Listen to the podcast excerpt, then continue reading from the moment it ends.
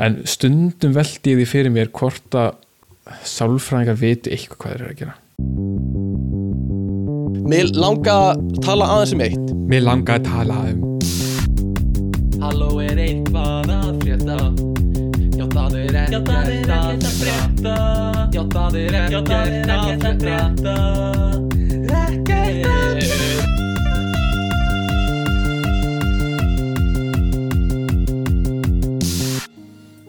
Já, fáðu þér sæti á sofanum. Já, takk fyrir. Segðu mér, hvað eru langt síðan þessar hugsanir byrjuðu hjá þér? Ég þær hafa fyllt mér núna í uh, tæpa tvo ára tugi. Já, hvernig er sambandið þitt við móðinu? Já, móði mín lést fyrir uh, tæpum tveimur ára tugum. Ó, Þannig að ég- er- Fyrir ekki, Já, ég er er læknir sína. Já, Og hvert, hvert, ekki Hvert er sambandið þitt við föður þín? Jú, við erum bestu mátar, við uh, reglulega hittumst í sundlögum Reykjavíkur svæðisins og ræðum málinn. Einmitt. Og hefur einhvern tíma látið verða af því að kúka í húur? Já, það er nú það sem er vandamálið, það er það sem ég geri og hef gert síðustu tæpa tvo ára tveina síðan hún móði mín lést. Það er að kúka í húur. Já, Hvernig þetta í hug? Skilur, hvað ertu að pæla? þetta er bara, þú veist, I don't know, Skilur, við erum bara eitthvað að grínast hérna og þú ert bara að kúka í húur. Skilur, hvað, hvað get ég sagt? Þú veist, Til, svona eru bara tilfinningar. herri, Það velkomin. að, látum að gera hluti. Já, þessa tilfinninga maður. Velkomin hlustendur í uh, þátt 133 af ekkert að frétta uh, Við heilsum ykkur hérna á föstu degi uh, og þvílíku föstu dagur sem það er í dag uh, Hérna mm, klukkan orðin margt og við erum að byrja að taka upp og við erum eftir að kvart yfir í hvað klukkan er margt örugglega þegar líður á þáttinn. Að klukkan er meira það- margt hjá mér sko. Ég veit það. Þú veist, ég þarf ekki að heyra það. Uh, en ég byrja bara á að spyrja hvað er frétta? Ekkert. Nákvæmlega, thank you very much. Uh, Rauðin dagsins í dag er að sjálfsögðu einhver bjór sem þú ert með í glasinuðinu já, eða í já, flösku. er með eitthvað sítur núna einhvern síter. Uh, Rauðin dagsins í dag, einhver síter. Uh, og styrtaralið þáttarins í dag er hvað?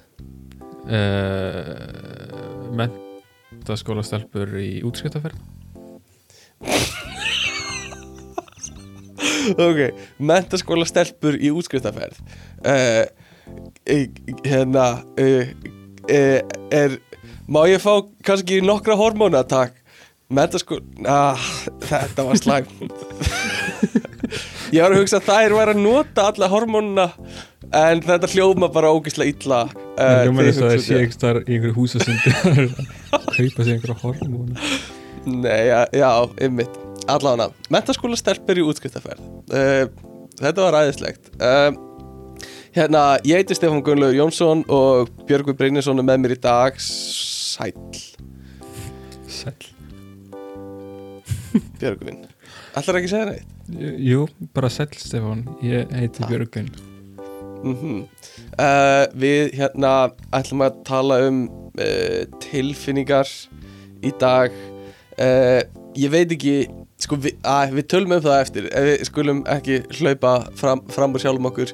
Uh, ég er að taka upp daginn eftir ég tók upp þátt með gumma þannig ég hef ekkert mikið að segja skilur, ég er búinn Mm. að segja svolítið það sem ég hafði að segja. Uh, ég reyndar, ég fór í vinnun í dag og í vinnun í dag þá fórum við á svona stórt skemmtiferðarskip uh, við erum að vinna þú veist, ég er að vinna í teimi sem er að sjá um eitthvað svona eh, ferðarskristofu sem er í stórt skemmtiferðarskip og eitt af þessu skipum var við Ísland núna. Mm og við fórum með borð. Veist, þetta er ekki kannski beint skemmtiferðarskip þetta eru National Geographic svona, uh, eitthvað svona adventure skip Já, sem eru svona huge.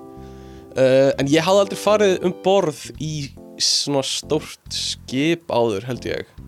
Uh, þetta er alveg Þú er farið eða þú í Herjólf ég hef alveg farið í Herjólf og það er náttúrulega upplifun út af fyrir sig. Og í rauninni þú veist eina sem toppar Herjólf er Norræna sko. Uh, Ég hef ennþá sem er náttúrulega já, við, við skoðum nú mögulegan á að fara í Norrænu Já. fyrir nokkrum árum.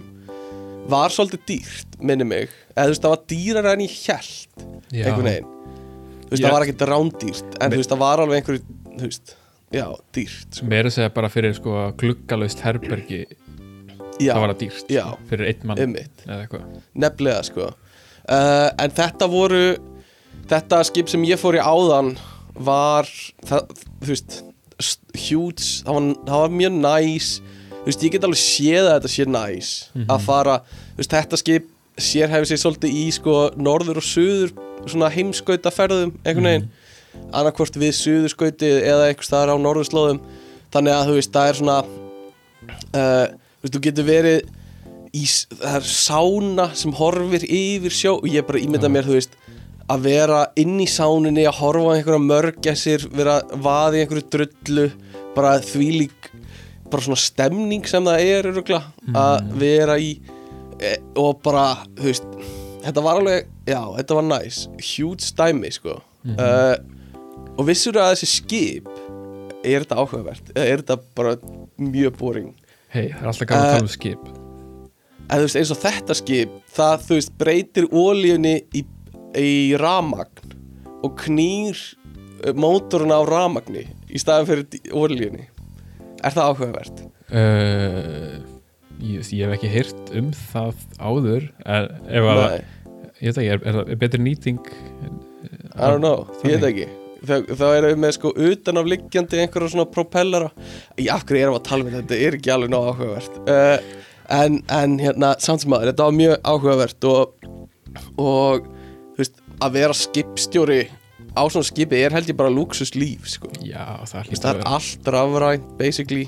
Uh, nema þú allar inn í fyrðina í Grænlandi eða eitthvað það að gera það sjálfur. En- einu sem þarf að passa er að rekast ekki í ísjaka þú veist, Ná, eða rekast ekki í, í, í sjaka ég sagði það. Rekast ekki í sjaka einmitt, einmitt. Sjaka, Eh, sjaka er einhver indveri já, jak sjaka, einmitt. Einmitt það. Uh, en, en þú, var eitthvað eitthvað sem þú ég vilt segja hérna okkur frá? Já, ég get sagt sagt eina, eina stuttasögur uh, eða segðu mér svona hvað sko, síðast þegar við tókum þá þá varst þú að byggjum ákveðin ráð varandi það að Hættu. fólki. Nenur, ne við hittumst um daginn að spila tölvuleiki Nei, saman ég er að segja síðast þegar við vorum að taka upp þá sko. Ég veit það, en þá, tók, þá voru þau líka að tala um þetta. Eitthvað svona að kynnast, hérna, ertu búin að tala um í eitthvað svona. Hættu. Ok, ég skal ekki tala um það meira Jú, já, ok. Nei, sko, Eh. ég, ég er bara að segja ég er ég er að lenda í svipuðum aðstæðum hérna, mm nema, ég, mér finnst það að vera svolítið svona yktari sko. Ok, nefnilega, ok. Já, nei, segðu, segðu þá frá aðstæðanum mínum Þannig að til að gefa kontekst já þínu þú, nátt- eða, þú varst að tala um að, að það væri einhver einhver gæi með háan status í, í einhverjum Mhm. hóp sem var að reyna að vingast í þig. Já, og þú varst að leita eftir ráðum um hvernig þú ættir að höndla þær aðstæður já, já, já, já. Einmitt. Uh, sem að mér fannst við Tómas bara komast vel frá því. Við gáum bara góð ráð og sem þú nýtti þokkalega þér bara. ekki. Ekki enn þá, allavega. Ég er ekki búin að króa nafinn á einhverju bar Og eitthvað sem þið ráðlöfum er. Einmitt. Allavega, það sem ég lendi í sko, ég er hérna í uh, skráði mig í einhverja líkansræktastöð hérna í, í borginni.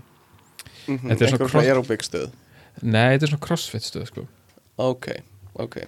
Og uh, svona, hún er mjög lítil og svolítið svona bara persónuleg uh, þú veist, þegar þú skráir þig að þá, eða þegar ég skráði mig þá fekk ég bara eitthvað svona persónuleg skilabóð á Whatsapp frá gæjanum sem að er að reka þetta eða s- sér um eitthvað svona skráningamálina Ok. eitthvað svona, þannig að þetta er allt, allt svona mjög persónulegt sem er bara mjög fín Mhm. og, og gott. Uh, en sko fyrst þegar ég fór þarna Mhm. þá, þá hérna uh, það voru mjög fáir á staðunum en það var einhver gæi sem að byrja eitthvað að tala við mig. Uh, spyr eitthvað svona "Ah, svona, ertu, nýfluttur? Já, na- það næstu því þannig sko. Blessaður, ertu, kemur oft ertu nýfluttur? það Aha, næstu því sko. En hann fyrir að bara svona, bara svona létt spjall þú veist, en Já. venjur, þú veist, ég er ekkit vanur því að fólk sé að spjalla við mig í ræktinni Nei, En- og ekki bara það. Já, mm -hmm. maður vill það ekkit uh, allavega, ég hérna þú veist, ég, ég sva- svaraði hann bara og, áttum eitthvað stutt spjall og svo, Já, ég nýfluttur, ekki, ekki tala um mér Eitthvað svona, já, nákvæmlega. Ok, ok, ok. Já.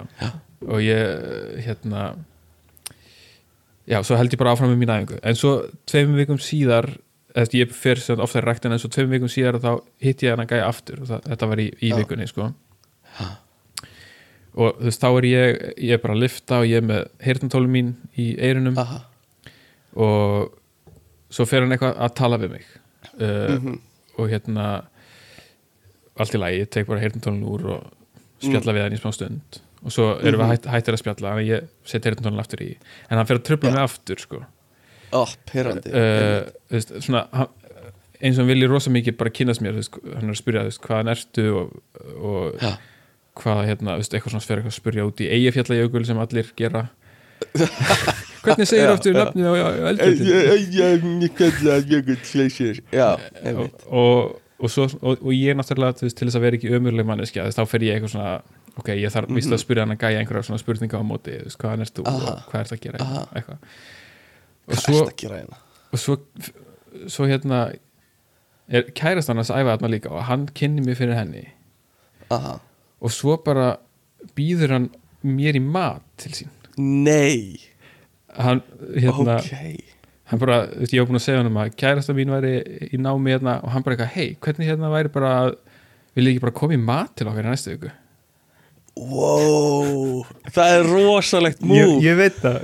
Veist, Það er rosalegt. Og þú veist, kærast hann að svara hann líka og, og hún virkaði Aha. bara ógeðslega super til í það næstu því virkaði mér eins og þau hefði rætt þetta eitthvað svona, eins og hann hefði sagt henni frá eitthvað, svona, ég hitti þennan strák sem að eitthvað, ekki bara bjóði mér mat? Eitthvað, því þetta Já, virka allt já. eitthvað svona ég ætla ekki að segja æft en svona, Já, já, svona fast að því Ok, ég byrja, ég byrja á að spyrja hann og þú verður að láta við eins og þú sérst ógísla til þetta því ég spyr hann. Einmitt. Ok, og svo segir hann kannski og þú segir, nei þú verður eitthvað svona búin að gera handrið næstu því sko, og hún spyr eitthvað svona hvort við séum matvönd og eitthvað svona spyr hvort við séum picky eaters og en þú veist, ég, ég þorði ekki að segja eitthvað nei, veist, þannig ég segi bara já, hljóm bara vel. Super meðvirkur. En þú veist, það er ekki hægt að vera það ekki. Nei, nei, nákvæmlega. Þetta er rosalegt. Er, Hvenær, þú veist Hver er tímalinn á sig? Ertu búin að fara í mat? nei, nei, nei, nei, sko við töluðum um eitthvað svona á mánudaginn, þriðdaginn næstu viku sko, Mhm. og ég sagði eitthvað, já, ég ætla bara að tjekka á með, hérna, á kæristinni hvort að hvort að hún sé til í þetta og, og ég var eftir Aha. ennþá eftir að senda honum einhver skilabóð sko. Uh, en, en svo var það var Guð, hann er alveg með þetta já, hann bara en þú veist, þetta sér er smá svona skeri Þetta er það, sko Þetta er, veist, er það, er það að fara að drepa ykkur eða þú veist, nákvæmlega, er það að fara að borða ykkur? Áttu að vera eitthvað svona swingar þú veist, maður hefur alveg séð þannig bíómyndi þar sem fólk fyrir mat og aha. bara að borða það sko. Já, eða þú veist, það, mér finnst það líklegt að það gerist. Eða þú veist, kannski ekki jafn líklegt og ekkert mér finnst það svona, 60, svona 40% líkur á að það gerist. Mm ég er nefnilega. Og annað sko sem að læta mig líða eins og þetta hafi verið svona eins og hann hafi verið búin að gera eitthvað svona einhverja rannsóknir á mér sko. Eða ekki rannsóknir á mér en þú veist að gera eitthvað svona background rannsaka þig. já, já, já, já, já. að sko þegar hann nefnir þetta eitthvað svona hei, viltu koma í mat? Eitthvað, þá, þá segi ég bara já ef ekki bara hérna verið í bandi á Whatsapp eitthvað. Og aha. ég hérna uh, veist, ég slæði númerið hans inn sem þannig skilabóð og hann aðna mér sem kontakt. Aha. Og hann skrifa nafnið mitt bara 100% rétt. Wow. Wow, sem það er alveg með öðinu og öllu. Wow, það er rosalegt. Sem að læta mig líða eins og ok, var hann búinn að tjekka á nafninu mínu? Aha, aha. Einhvern veginn. En ég veit ekki þannig að ég bara, þú veist Já. ef ég sný ekki, ef þú heyrir ekki frá mér aftur þá veistu að Mhm, ég varð að einhverjum mm mhm. máltíð Mándagur að þriðar er, hvaðan er hann? Er hann líka útlenskur og leita sér að vinu? Eða þú veist, einmanna? Já, sko, hann er frá Ástralíu uh, Oh, he's Australian já, jó mate það verður eitthvað on the barbie í matinn, nei, en Shrimp kærastan hans er frá. Mexiko og þau hittist í Glasgow en búa núna í Ah. Hollandi þannig að er Ok. okay. alþjóðlegt pakk sko. Já, já Ég er enda mjög hrifin af ástralsku fólki Ég er mjög, ég, þau eru, eru já, ég yndisleg. hef ekkert nefnum bara gott að segja ástæðalegt fólk sem ég veit sko. Mhm, mhm. Ég er mjög mikið inn í svona ástralsku grín, grínisla menningunni já, já, þú, þú hann að næstu því vinuðin náttúrulega með ástæðalegt já, já, já, já, já, já Mjög mikið, sko Ég hlusta á örgulega þrjú ástralsku podcast núna, sko bara En- með verum að taka upp ertu með þrjú í Já, eyrunum. bara núna, skilur Er það, er það í gangi það, Þetta er Ég er smá orðlaus bara yfir, þú veist Bara balls á þessum gæja uh, veist, þetta er leiðin til að gera þetta ef maður vill eignast vini, greinilega örglega Bara svona meðvirka er já, algjörlega en það, já Mm. þú veist, ég er bara hrættu við að ringja í vinn mína sko. mhm, mhm. bara, þú veist, á ég að ringja í vinn minn, veist, sem ég langar Já. samt ógæslega mikið að heyra hvað, veist, hvað er að frétta ég hef ekki heyrt því nú langt Já. Á ég að þóra að ringja í hann? Ring, ymmit, ymmit En þú veist Maður hefði kannski búist við að venjulega kynnist maður fólki aðeins betur. Eða þú veist, nefnilega, en þarna ertu bara búm, við neyða þig til að kynnast þér sko. já en líka, þú veist hvað ef þetta gengur, þú veist, eða matabóð gengur bara illa eða þannig og þú þarft svo að hitta hann í rektinni aftur skilur mm þetta er bara eins og að ferði í samband með eitthvað sem er með þér í back eða eitthvað. Og svo hætti þið saman. Já, en, en líka sko uh, veist, ég er svo meðverkur ég, veist, ef, ef mér finnst þetta að vera hafa verið glata matabóð og þau bara Aha. að leðileg og þau Já. myndu segja bara eitthvað svona hei, hérna, ef ekki bara þú veist, hittast í bjór aftur í næstu viku eða eitthvað? Já. veist, þá væri ég bara, jú, gerum það potið, það er ekki ekki gaman. Já, ymmit þú veist, þangur til, að- þú veist, þangur til að þau eru bara, hei, ef ekki bara ætliða þig? Og ég bara, jú, gerum það. Jú, ég bara Ég ringi mömmu og bara fyrir staðfist það uh, En Ok, ég bara hugsa Hann talaði við einu sinni Og svo hefur hann farið Og kíkt á þig á netinu Einhvern veginn. Svo hefur hann eða sko, hann hefur talað við manneskjuna sem stjórnaræktinni, fengið nafnið fundið á netinu, talað við kæristunum sína, allt eftir einn hitting, spurt hana hvort að þau eigi ekki bjóða ykkur í mat af því, veist, hann er svolítið einmannaðana, hann er frá Ástralíu, þekkir engan, vill eignast vini og þau hafa ákveðið saman að bjóða ykkur í mat, eða bjóða þér í mat Mhm. og allt eftir eitt smá samtal fyrst, í fyrsta skiptið. Mhm. nefnilega Það er magna og ég er nefnilega svona manneskja sko, eins og við hefum örglega þegar að ræða hérna setna Aha. að þú veist ég, veist, ef að fólk byrjar að tala við mig veist, þá svara ég bara ég svara bara spurningunum sem að fyrir, fyrir, fyrir mig verður já, en þú veist, ég er ekkert mikið eitthvað svona, eitthvað svona að spyrja á móti því að veist, ég Nei. hef ekki jafn mikið áhuga endilega á að vera að kynast einhver random fólki í rektinni þannig að ég, veist, ég bara svara bara svona, já, ég er bara frá Íslandi eitthvað, og svo bara held ég áfram með mína liftur já, en, en, já, en, eins og þarna í setna skipti þegar hann bauð mér í mat og þá, veist, ég var með með heyrnatól, sko. Aha. hann trubla með tvísvar þannig að ég þarf eitthvað svona að taka þau úr og eitthvað. En, þannig að hann var alveg bara algjörlega staðræðan í það að hann ætlaði að eignast þetta vin eða þú veist, bjóða einhvernum í mat eða- þú veist, kannski er hann að hugsa um að eignast vin, kannski er hann líka að hugsa um þessi gaur virkar eins og hann ægi ekki marga vini og er að gera góðverk, skilur Já, þ- hann sagði það sagði líka, þegar hann bauð hérna, þegar hann bauð okkur í mat sko, að eitthvað svona veist, hérna, eitthvað svona, já, bara veist eitthvað, gaman, væri gaman fyrir ykkur að veist, hitta eitthvað fólk og gera já, eitthvað. já, því að þið þekkið ekkert marga í, í borginni og eitthvað eitthvað Já. þannig sko. Assumptions hann er að draga hennar stóra álíktanir hvað hva veit hann nema þú sér bara einn vinsalasti maðurinn hana í Den Haag sko? Um, en, en já, þetta er magnað sko. Er hann, þú veist, er hann að svipið um aldur og við? Er þetta eitthvað svona gamalt kall? Nei, ég held hann sé kannski ég veit ekki 30, 32 kannski já, svolítið gamall eld, eldgamall eldgamall, ég meina fyrir unu er hann bara gamall kall sko hann er bara kall hann er sko. definitely millennial fyrir unu á meðan við erum definitely Gen Z sko. já, já, já. ok, þetta er enda magna ég hlakka til að heyra meira frá þessu sko. þetta verður eitthvað hlakka til að heyra, eitthvað heyra sjónvarp. frá öllum vandræðulegum mómentunum í matabóðinu sko. mm uh, þú þarft að þú þarft svolítið að bring your A-game held ég sko. Með spjallið sko. ég þarf að vera búin að vera með, ég þarf að vera með einhverja svindl með það sko, búin að skrifa niður Mhm. einhver umræðefni 100% sko. uh, og þú veist, getur talað um að þú sért með podcast og þú veist og ég, á, Eh, uh, ég þekki ég veist, besti vinu minn, þú veist, hann hlustar rosa mikið á ástralsk podcast. Mhm, mhm, mhm, mhm. Segðu hann það. Uh, þú verður að láta mig vita hvaða podcast þetta eru svo ég geti, þú veist, já, kannski hefur hann hlusta sko. Veist, kannski getur þið bara orðið gett góða vinir já, en þú veist, þú getur talað um Andy on Hamish. Þú hefur hort á Andy on Hamish já, já, sem eru ástalski grínistæðar allavega þetta er mjög magnað og mér er gott að skrifa þér sko inn í handriti morðingin í ræktinni. Uh, bara svona allur varin góður. Uh, að hérna þetta er sennilega morðingi sko. Uh, sennilega. Ég er svona ok, okay, um að geðveikt. spurja aðra í veist, er, er þetta eitthvað skrýtinga? Á ég að já, já, já. Þú veist, kannski hafa allir- og, kannski þekkjaði margar sem hafa farið í mat og aldrei snúið aftur eða eitthvað. Já, já, já, og bara googla hann og finna út hvort hann drap einhvern í Glasgow og eitthvað svona, skilur það er bara minnst þess að þú getur gert sko. Uh, erum við hérna reyndar eitt, við hittum stundum á netinu og erum eitthvað að stundum erum við bara hittust við og erum bara að vafra á netinu saman. Erum bara að deila skjá og erum bara eitthvað svona það er líka bara, það sem við sem við gerum þegar við hittumst.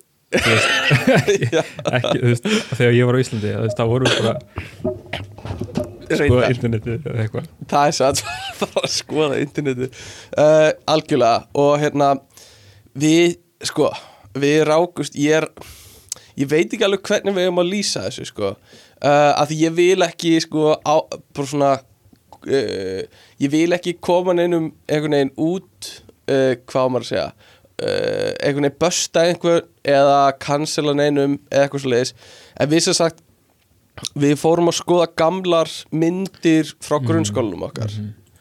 Um, og ég ætla ekki að segja of mikið um hvern eða eitthvað svona en bara láta fólk vita sem er að hlusta að bara verið meðvitið um að mögulega er gamla myndir af ykkur síðan voruð í grunnskóla á netinu á síðum grunnskólans ykkar.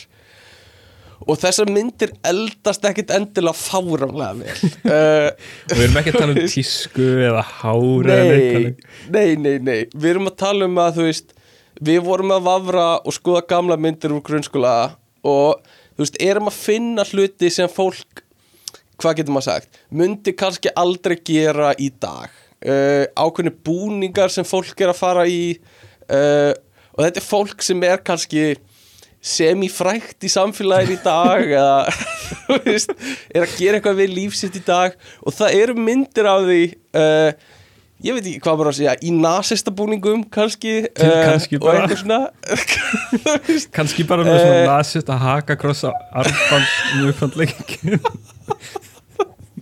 og þú veist jafnvel að baka einhverja Hitler kökur og já, já, það sem að gýðinga stjarnan brennur.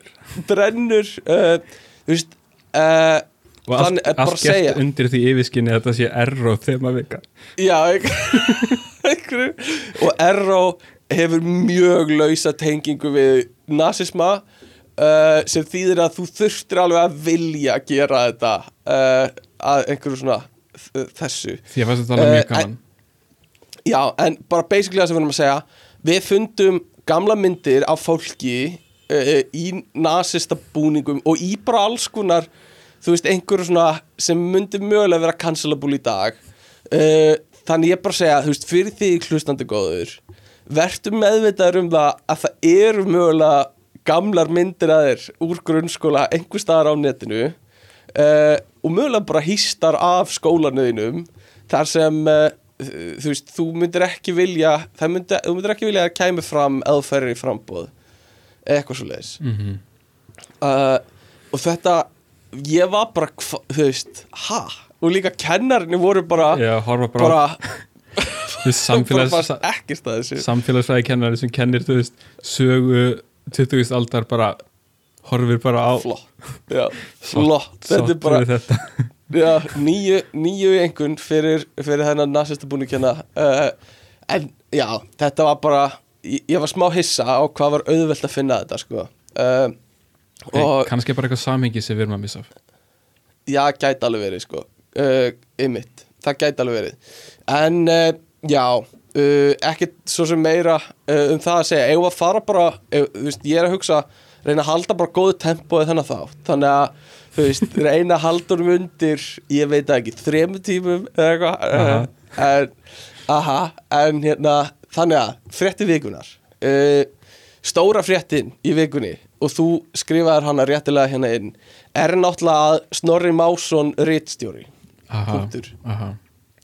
Aha. þið hérna, þú sagðir að þið gummið að tekið upp þátt í gær töluðu ekkert um þetta Nei, töluðum ekkert um þetta Nei, mér finnst þetta alveg einstaklega áhugavert og fyrir þá hlustundur sem ekki vita bara í stuttum máli, þá sem sagt Snorri Másson sem er uh, í skoðanabræður, hann var uh, á hérna, var blaðamar á mokkanum einhvern tímann og svo var hann líka eða síðast sem hann gerði var basically hérna, Ísland í dag, þar sem hann var með svona frétti vikunar sem er svona mm eitthvað svona, þú veist sækir innblástur svolítið í kannski uh, brandarísku spjallþættina hana, þar sem allir Já, eru með eitthvað svona pól, veist, samatakt Já. mhm.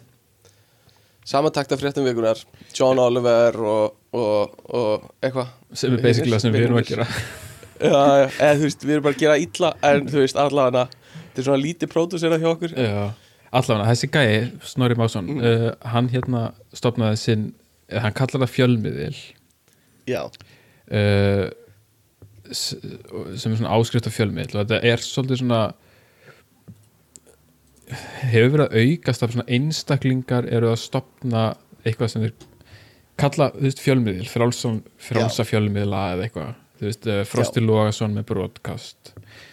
Ymmit, uh, hérna ymmit gæinn sem að, ég veit ekki hvort þú veit að það er miðl sem heitir samstöðin sem er svona mjög hérna sósialískur miðl sem hann hérna Yfir uh, sósílista flokknum er með já, ég gaurinn sann aðalgæinn, ég man ekki hvað hann heitir. Já, og, og fleiri en ég veit ekki, hefur þú skoðað þetta eitthvað? Ertu með Sko. skoðanir á því Já, hvað þetta ég, er hef nefnilega skoðan á með miklar skoðanir. Sko, leið mér að byrja leið mér svona að, að leggja þess grunninn og svo getur þú aðeins hérna komið og krydda þetta. Sko, eins og ég skilda þá er hann að stopna sinni eigin einan gæslapi fjölmiðil og hérna hann er uh, semi-reyndur uh, í þessum bransa hann hefur einhver ár á bakinu. Uh, en þú veist, er, hefur alveg mikinn hefur alveg svona þokkalega hóp fylgjenda, sérstaklega í gegnum hérna skoðanabræður podcastið sitt og líka, þú veist, hann þú veist, hann er hann er víst myndalegur eða allan ég hef heyrt það og þannig að hann hefur líka svona fylgjenda hóp í gegnum sjónvarpi út frá sko uh, sjónræna hlutanum uh, af því öllu. Uh, sko uh, hann það sem ég bara, maður tekur eftir þegar þetta gerist, er að þetta kemur inn á alla miðla, eða þú veist, alla þessa helstu miðla. Vísi, MBL og sennilega Rúf líka að hann sé að stopna sinni eigin miðil. Og þetta er svona pluggfrétt, skilur, þetta er ekki frétt þetta er eitthvað innsent frá honum. Og þú veist hvernig hann er að tala í, þessu pluggi er bara þú veist, þetta er það er eins og hann sé að fara í gang með eitthvað svona semi-frétta væp en líka svona skoðanafréttir eins og eru mjög, mjög vinsalar í bandaríkjunum og er, þú veist, frægasta dæmin eru, þú veist, Fox News sem hafa bara svona persónuleika sem, þú veist, eru eitthvað smá að vísi fréttir þetta er svona eins og Tucker Carlson og eitthvað svona fleiri þannig sem eru svona hæg, á hægri vagnum svona smá að vísi fréttir en svo eru aðalega að tala um hvað þeim finnst. Þú veist, þetta eru skoðanafréttir og þetta er leift í bandaríkjunum.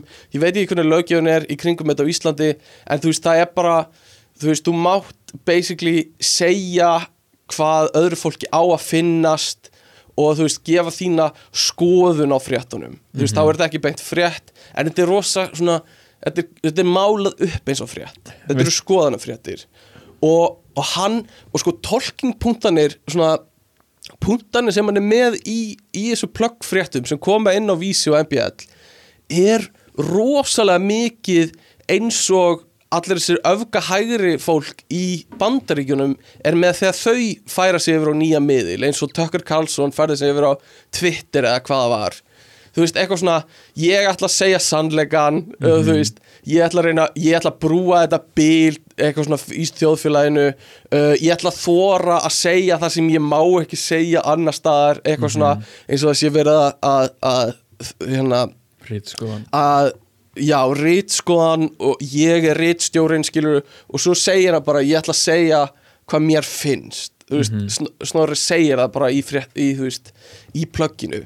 Uh, þannig að þetta er þetta var rosalega litað fannst mér svipað og svona hægri einhvern veginn uh, Russell Brand og eitthvað svona alternativ uh, uh, karakterar á netinu og að hann ætla að byggja upp einhvern veginn svona þannig miðil sko. En veistu hvað þetta heitir? Þetta heitir bloggsíða já, þú, þú vilt meina að þetta sé bara framhald af bloggsíðum þú veist, fyrir tveimur ártugum Sko, næstu því Sko, ok, eins og, eins og miðlinn hans er núna að þá er Já. þetta eins og þú segir þetta er langmest bara skoðanagreinar og já, hann er ekki að frumvinna fréttir hann er veist, eins og í hann basically skrifar eina grein á dag. Hefur verið, veist, hann er bara búin að vera myndi eina viku eða eitthvað, hann er ekkert mikið kannski markað nákvæmlega þú veist, hvernig þetta verður sér í framtíðinni.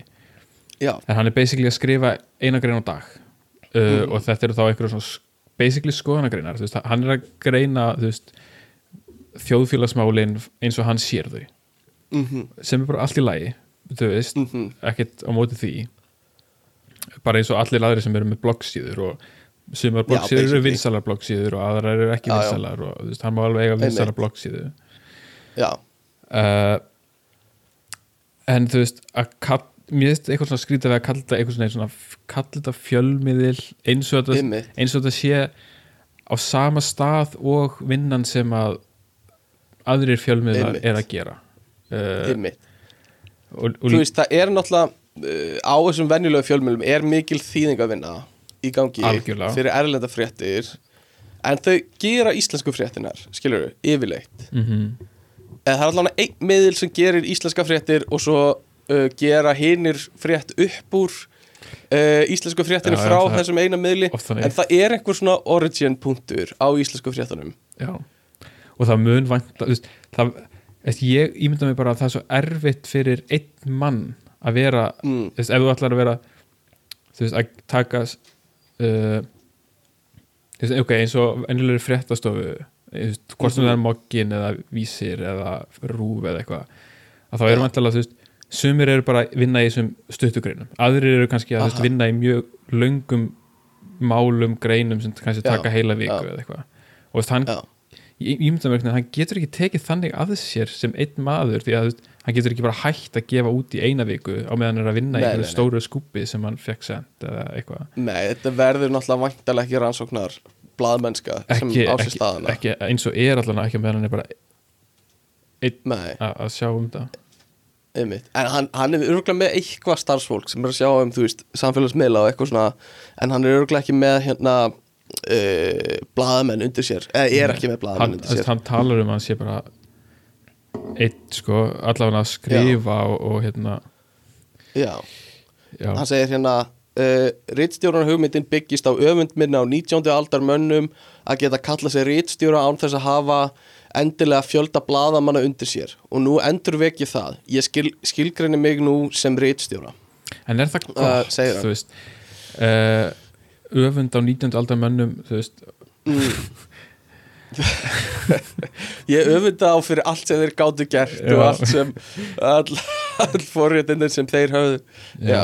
En ég meina kannski er þetta bara svona rökrétt eða svona jú, rökrétt framhald, þú veist, þar sem að hver og einn, þú veist, það er svo ódýrt að að vera sinn einn fjölmiðl einhvern veginn. Já og það var náttúrulega, ég man ekki alveg hvað var en að, veist, þetta var eitthvað er podcast fjölmiðl umræðan sem var Já, já, í já. gangi um daginn sko? Já, já, uh, og þetta er svona eitthvað svona framhald af því. En þetta er líka þú veist, þetta er uh, framhald einhvern veginn af því að uh, þú veist, afþreyingarvæða fréttir. Mm það þarf alltaf að vera skemmtilegt sko. Já, og það er líka það sem er í gangi í bandaríkjónum er að þú veist, það nennir enginn að horfa bara á fréttir. Það vill heyra, þú veist, skoðanir einhverja annar á fréttunum. Já, og hvað, Og til þess að veist, fá einhvern annan til að segja sér hvað á mér að finnast um þessa frétti Já, vegna þess að það er svo finnast? mikið af upplýsingum í gangi að þú bara svona, ok, þú veist, ég þarf bara að finna eitthvað sem er svona nokkurn veginn sammála mér og Já. hans geta bara sagt mér hvað mér á að finnast Já, já, já, og þú veist, þá þarf ég ekki alltaf að, að þú veist, kynna mér allt frá öllum hliðum og, og eitthvað svona. Og þú veist, sumir fara til sumir fara til Snorra Mássonar ég meina, sumir koma í ekkert að frétta. Nákvæmlega, að, þú veist, veist, rosa mikið af fólki sem kemur á fréttir vikunar er ekkert að frétta til að vita hvað er á að finnast, skilur að, um Snorra Eh, Másson um Snorra Másson. En þetta er þú veist þetta er uh, já líka eins og ég segi partur af afþreyingavæðingunni þú veist þetta á að gera þetta að afþreyingu meira en upplýsingaöflun. Uh, sem, sem þú veist ég skil alveg en það samt alveg svona gerir blandar fréttir og staðrindir við skoðanir og hvað er skemmtilegt. Já, og þú veist, eitthvað svona hvað er spennandi sem verður til þess að fréttir snúast oft meira um eitthvað sem er þú veist, meira klikkað á og eitthvað svona smá hot take skoðanir sem fá meira umfjöllun heldur en endilega það sem er satt Mhm. held ég. Já en svo er hérna þú veist, annað að já, eitt sem ég hef verið að hugsa varandi þetta er þú veist ef, ef þú skráir þig eða sem þú gerist áskrifandi sem að held ég að kosti 2000 kalla mánuði eða eitthvað. Já, að ein, eins og þetta er núna þú veist, hvað ert að fá fyrir 2000 kalla mánuði? Þú ert að fá e eitt Já, já, já. blokk á dag og svo einu sinni viku eitthvað svona samantækt á fréttum vikunar einhver hálftíma mm, sjónarstáttur basically. Já. En þú ert líka að fá, þú veist að þú ert að styðja við mann sem þú treystir eða sem þú hefur gaman að því að fylgjast með. Já, og þú veist, þannig að hann geti veist, þetta er eitthvað svona að styðja við þann sem þú vilt styðja við.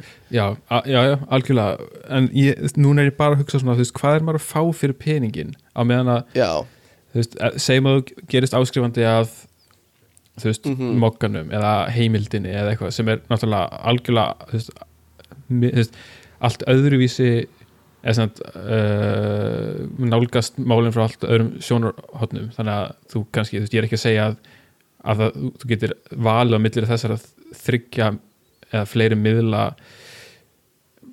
þú veist, óháð skoðanu þínum. Eða þú veist, er, þú veist, þú Mm. gerist áskrifandi á mokkanum eitthvað, þá ertu að fá samt, þú veist þó að kosti fjöðu skallar manni, þá ertu samt að fá svo miklu meira, þú veist, að fá menningar umfjöllun Já, já. íþróttaumfjöllun, þú veist, gaggrinni á whatever, þú veist, Mhm. aðsendra greinar frá alls konar fólki mm á hverjum degi, en ekki bara eina grein á dag. Einmitt algjörlega, sko. Þetta er svona eins og við höfum rætt sko áður held ég bara með hlaðverk þar sem að er að gefa út kannski eitt þátt á viku. Og, og sumir eru greinilega til í að borga bara þúsund kall á mánuði fyrir það eða eitthvað. Og, hann, Já. þú, þarft ekki rosalega marga áskrifandi til þess að mánaðatekjunar vegna þess að hann er bara einn að þessu Já, verða þokkala háar ég meina það er örgulega það sem hann er að hugsa líka, sko. Uh, þetta er bara Og, business move veist, fyrir hann líka. Já, og mér finnst alveg frábært, veist, ef við værum með stærri uh, hlustendahóp uh, þá myndi ég alveg skoða að gera eitthvað svona, sko. Uh, veist, bara til að til að ég þyrfti ekki að leggja út fyrir öllum útgjöldum sem tengist þessu podcasti, sko. Já, já. Uh, en, en hérna þannig að þú veist, ef við værum í stöðu til að gera þetta, myndi ég alveg íhuga það sko. En ef að, Eh, þetta, ef þetta er þróunin að Mm. þú veist, fleiri og fleiri verða eitthvað svona, ok, ég ætla bara að fara þú veist, ég ætla bara að vera einn, þú veist, vera bara að segja mína skoðunir og eitthvað Mhm. að þá væntalega er það markaður sem mun mettast mettast, hann mun 100% mettast sko. og þú veist, þá verður bara með einhverjar þú veist, hundrað eða fleiri einstaklinga sem allir eru að selja áskrifta að einhverju dóti á, á þú veist, 200 2000 kall á hérna mánuði eða eitthvað og, veist, og þá er allir bara svona, já, ég fylgist með snorra másinni, já, ég, Já. já. nei, ég er meira í frostaloga og svo, já, þú veist, ég Já, hlusta bara á Ekkert að og ég hlusta á. Tótu Inga eða eitthvað, whatever, þú veist Já, fucking Tóta Inga man. ég fucking hata Já. Tóti Inga sko. Ég fucking hata Tóta Inga sko. hún hefur ekkert gott að segja Nei, ándjóks, alltaf, alltaf leðileg uh, Mér langar að lesa hérna smá úr, úr plugginu á vísi sem hann sendi uh, og hann segir hérna, hann er spurður Ertu að segja að þú hafur ekki notið frelsis þegar þú starfaði sem megin ströms að starfaði á megin strömsmiðlum uh, Þú veist, það er verið að mála upp eins og sko mainstream media og svo er þú veist hann hans media, einhvern veginn. Og hann segir, jújú, jú, ég myndi alveg segja að ég hafi notið frelsis á svo miklu leiti sem blaðmaður í main, mainströmsmiðli getur notið. Þegar maður uh, talar um að maður sé rítskoðaður og megi ekki segja hitt og þetta þá er um að ræða háþróaðan mekanisma. Blaðamenn eru full færir um að rítskoða sér sjálfur. Maður er með innbyðan lesanda í fréttinu sem maður vill ekki styggja. Uh, og hérna, uh, já, og hann er basically að, þú veist, lýsa því að hann á eftir að þóra að segja sannleikan fullkomlega, annað en það sem meginstundismeðlun er að gera, eitthvað svona. Uh, sem er mjög bara svona algengur punktur sem, sem ég hef heyrt mjög oft en yfirleitt frá einhverju svona öfga hægri fólki, sko. Ég, þú veist, ég held að hann sjálfur sé ekkit einhver öfga hægri maður uh, Nei, þess vegna finnst mér þetta svo skrítið að hann sé að nota þessa punkta. En, en ég get ekki séða fyrir mér að lausnin við polariseringu og að alltaf brúa bilið og eitthvað svona að sé með einhvern Mm. svona svona einstaklingsframtaki. Ég, ég, Já, ég sé það ekki. fyrir mér sko. Hvað Nei. þá ef það verða þú veist 50 eða 100 önnur einstaklingsframtök sem öll ætla að brúa bilið þú veist, eða eitthvað svona. Já, já, ég veit en, það. en svo er Eh, einn En, Hmm? mm, annar, Mm. einn punktur sem að mér ég fór að hugsa í þættinu þegar þið voru að hérna með, þegar voru að tala við vinnufélagina í Portugal. Já, Portugal special. Já, að hérna þá einmitt þið snertuð aðeins á skoðanabræðurum mm og þú varst eitthvað að tala um eitthvað svona ég, þú veist, áttam ekki alltaf alveg á kaltæninni í þeim. -hmm. uh, og, og hérna Alex, heitir hann það ekki? Alexander, Alexander, að hann þú veist, hann sagði, þú veist, ég fatt hana 100% já, kalda, þessa kaltæni og þannig að þú veist, hún, hún fer ekkert fram hjá mér. En uh, annað fólk í samfélag, þú veist, því að hann held þú veist, í, á þessum nýja miðli sínum, þú veist, hann er alveg að halda áfram með þessa kaltæni já, já, já, og, og maður svona þú veist, er, þú veist, er fólk að átta sig á þú veist, hvað eru raunverulegu skoðanir hans og hvað er eitthvað sem hann er bara svona kaltæni eitthvað svona Einmitt. grín eitthvað Aha, og ég er ekkit viss um að endilega allir átti sig á því uh, Mhm. eins og til dæmis þegar þú ferðin á síðun hans og það poppar eitthvað svona gluggi hvort þú viljir þú veist, gerast áskrifandi og það Mhm. stendur eitthvað svona veist, bjarga líðræðinu með því að gerast áskrifandi Já, og það er já, eitthvað sem já, getur já. klikkað og það er, er augljóslega bara eitthvað svona djók en mann finnst samt það ekki ekki, eiga heima veist, þar sem þú ert að reyna að miðla einhverju frá þér á einhvern hlutleysa máta þú veist. Þú veist, þetta virðist líka en ég er ekkert viss um að þetta sé endilega 100% joke og ég veit ekki hversu mikið joke þetta á að vera fyrir honum af því þeir eru alltaf að gera grínaði hvað allt er að súrna og eitthvað svona. En ég meina hann hlýtur að vita að þú veist ein ein bloggsíða bjargar ekki líðræðinu Já, sem er eitthvað svona meira Já, já. í Nei, nei. það er rétt sko. Uh, En svo gæti hann líka verið að gera þetta bara því þetta er gaman. Og ég bara virði það ógislega mikið. Þú veist bara hann er bara í eitthvað sem hann heldur að sé skemmtilegt og bara færa að stjórna sjálfur og Já. ég held að það sé líka örgulega skipti máli. Og það er bara annar punktur já, allt annað punktur. Já um, En allan að, við þurfum ekki að tala meira um það. Mér langa að tala aðeins um eitt. Mér er að tala um Mér langa að tala um aðeins meira eitt. Uh, Sko, þetta er frétt sem er bara bara eh, funheit. Bara var að koma í lofti þegar við erum að taka upp. Uh, og það er uh, fréttin fara fram á fjögur daga vinnuviku í komandi kjaraviðræðum. Mm. Og þetta er eins og tónlist í mín eyru sko. bara þvílík bara Því komin fyrr því tími betra, sko. fokking til. Já, já, uh, þetta er sem sagt vaffer, það er eins og flesti vita, þá eru kjara viðræður núna handað við hornið. Og það er bullandi verðbólga og fólk er að tala um að veist, við þurfum að hafa stilla skoðanum hérna, væntingum okkur í hóf þegar kemur að, að eh, einhverju svona launahækkunum og eitthvað.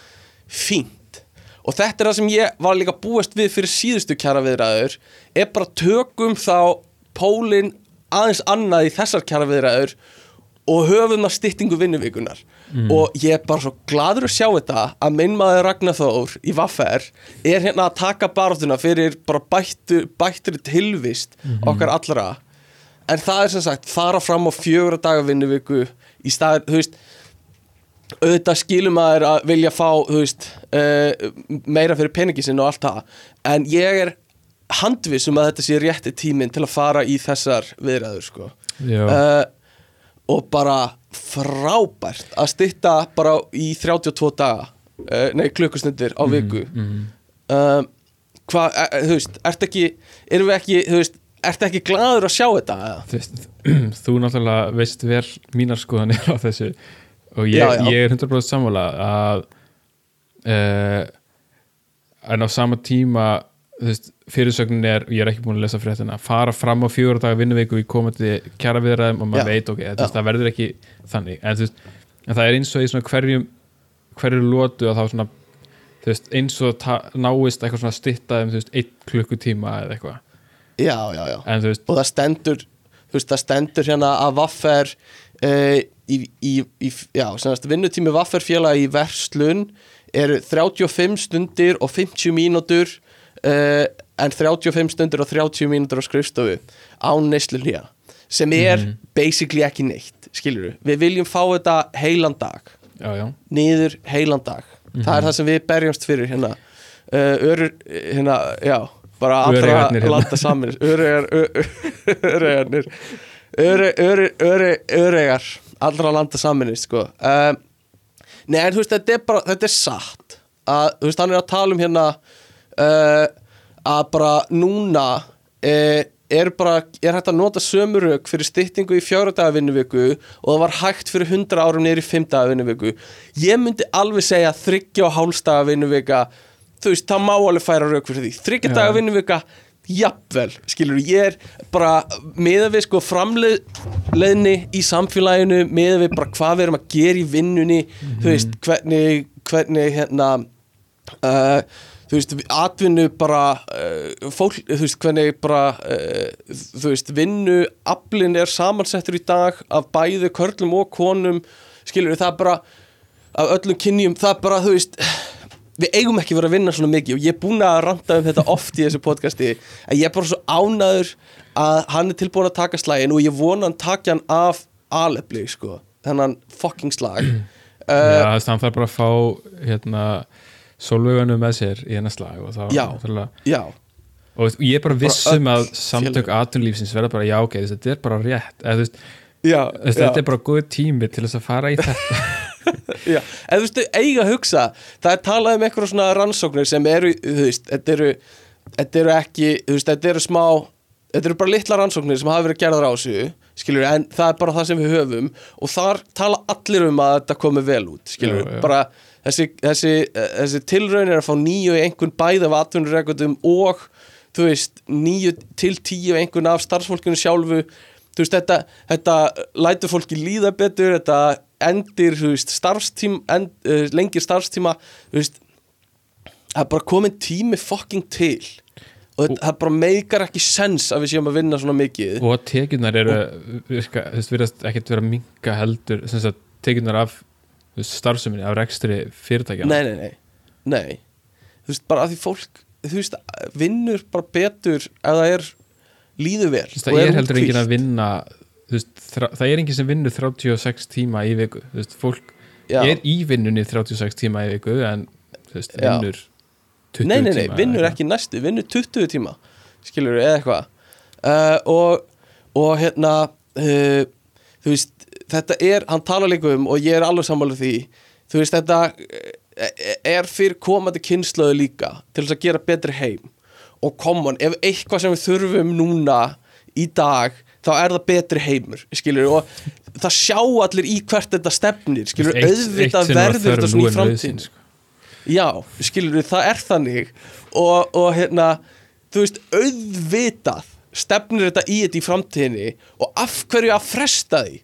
Af hverju að fucking fresta því? Af hverju ekki bara að, þú veist, láta slag standa og gera þetta? Um, en allavega það er bara svona, þetta er ég er bara ga gaman að sjá þetta og ég bara, já, ég vona að þetta gangi eftir. Þú veist, af bara öllu mínu hjarta. Bara please, láta það ganga eftir. Getur þú ímyndaðar, þú veist, bara samfélag það sem það er alltaf frí á föstudag, skilur það þryggja daga helgi alltaf. Einmitt. Þó að, þú veist, ég persónulega, ég hef sagt að mér langar bara að stýtta alla daga bara komplett, skilur bara hafa sex tíma vinnudaga. Mm. uh, en, en ég myndi alveg taka því að hafa þryggja daga helgi alltaf Mm um, en ég bara, mér finnst það bara, bara geggjað, sko. Það sem að eh, þú veist, ég er ekki að segja það mæli á móti því að það sé gert en það sem að flækir þetta er að þú veist, fólk vil ennþá hafa allar búðir opnar þú veist, og þar þarf einhver að vinna og þá er það komið á yfirvinnu kaup mm og eitthvað svona sem að -hmm. Þú veist, ég myndi alveg og veist, já, að ég myndi hefur alveg sætta mig við hvað þú veist, það sem að hefur að eða vinnuvikan hefur verið stitt smám saman. Og það sem, allan það sem talað um að hefur flækta er, þú veist, þeir sem er í vaktavinnu. Mm -hmm. að að skipulegja vaktavinnu uh, hefur Mhm.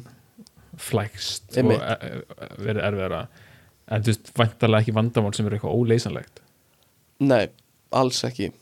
Um, Þú veist, já bara, eh, já, já ég, það er fulla trú á klá, þessu klára fólki hjá samtöku atvinnulífsins til þess að bara finna út úr þessari vittleysu skilur bara come on gefi, þú veist, reynið bara. En svo náttúrulega er all hinn þú veist, þetta er vaffer sem að veginn, þú þú sagðir að þau eru með 35 og 50 mínútur eða eitthvað. Þú held að vinnuvikan Já. hjá mér þú veist, og ég er á samningum við eða sagt, mínu kæra samningar eru milli uh, samtaka atvinnulífsins og þú veist, félagsverkfræðinga eða eitthvað og þar er Mhm. vinnuvikan þú veist, 36,75 tímar eða eitthvað þannig að þú veist, Já. við erum á eftir á rauninni, Já, já, já. sko. Einmitt. og ég held að ég er í uh, hérna, félagi verkfræðinga eða eitthvað og þar er þetta eitthvað svona í kjara viðráðanum fengum við eitthvað, stýttum við vinnuvikuna um fimm mínútur Já, eða já, eitthvað. já. það er eitthvað bara eitthvað svona, bara eitthvað svona komikli lítið sem var, sem var gert uh, en þú veist, fyrst fellur þetta víi fyrir samtöku aðrunlýsins Vaffer, stærst, bara hjúts félag. Veist, auðvitað eiga hinn bara fylgja með, þú veist, gerum þetta bara að kjara viðræðum fyrir öll öll félög núna fókusum bara á þetta til að bæta heiminn skilur uh, ég bara, ég gæti ekki verið meira spenntur fyrir þessu sko. Ég, þú veist, ég ég er svo, mjög spenntur en ég einhvern veginn held ég að ég verði orðin færtugur eða fimmtugur þegar, að, þú veist, Já, þegar ég já. fæ loksins frí á öllum föstudögum sko. Já, já, eða þú veist, já, já, auðvitað en, en hérna, ég hef ekkert eitthvað háar væntingar en ég er bara gladur að sjá og ég vil bara að þetta verði aðal baráttum málið núna. Mhm. bara í smá tíma, sko. Og ég vil ekki að það sé dreigið í land skilur, ég er bara fyrir verk ég er tilbúin að fara í verkfall fyrir þetta, sko. Uh, bara come on, bætum heiminn, sko. Gerum, látum okkur líða, veist látum bara öllum líða betur. Við vitum hvað við þurfum að gera. Mm, allavega. Uh, úr Varst, einu í veitu, varst annað þú með hérna ræðuna á fyrsta mæ eða?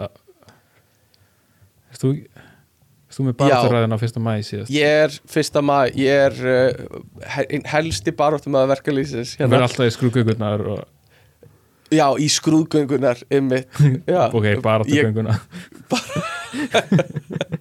Já, ég fer í, ég fremstur í skrúðgöngunum sko. Um, En hérna, með kandiflossið og, fimm Já, já, með kandiflósið og, og skemmtiadriðin Gunnar Felix og eitthvað svona, alltaf uh, Allana, 15 ár frá bankarhrunni, viljum við tala um það eða? Uh, Já, Er það eitthvað skemmtilegt? ég ætlaði að mynda að setja það líka inn sko, þannig að ég held að ég gæti Ok. en kannski þarf ekki að segja mörg orðum það það sem ég vildi segja nei, er að hérna, ég er búin að vera að hlusta á uh, skoðanabræður nei ekki skoðanabræður, heldur lestin á Rás 1 og þau eru búin að vera með síðustu tvær vikur svona endurflýtja einhverja þætti frá 2018 þar sem er svona verið að horfa tilbaka til hrunsins. Aha, aha. Og ég bara ætla bara að mæla með þessum þáttum sko. Mm um, Ég sagði að það verið frá 2018 já, sem þá voru tíu Já. ár frá hrunni tíu ár, já, já, já.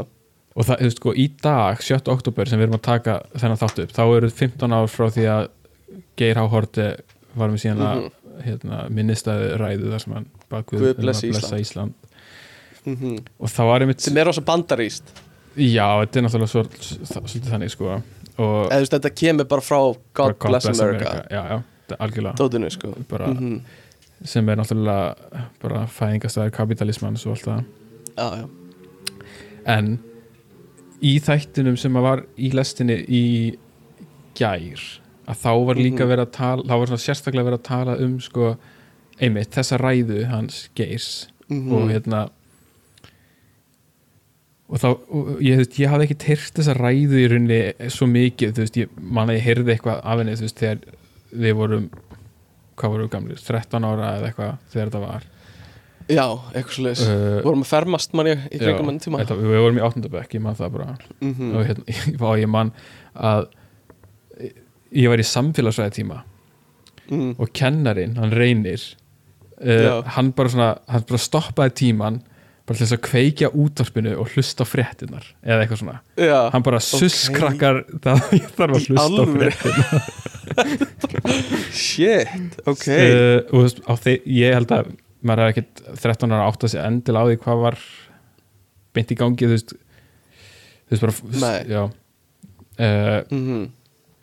allavega. Enga veginn þannig séð. Það var svona smá panik en ég, maður átti að sé ekkert endilega á því sko Nei, ég held ekki sko En það er hérna í þessum þætti þá var einmitt verið að einblina á þessa ræðu og Mhm. það voru svona að spila einhver brot og, svona, og hún er svona undarlega póetísk og ljóðræn og svona ótrúlega Já. mikið einhverjum svona myndlíkingum við hérna svona sjóin alltaf er að tala um einhvern storm og að hérna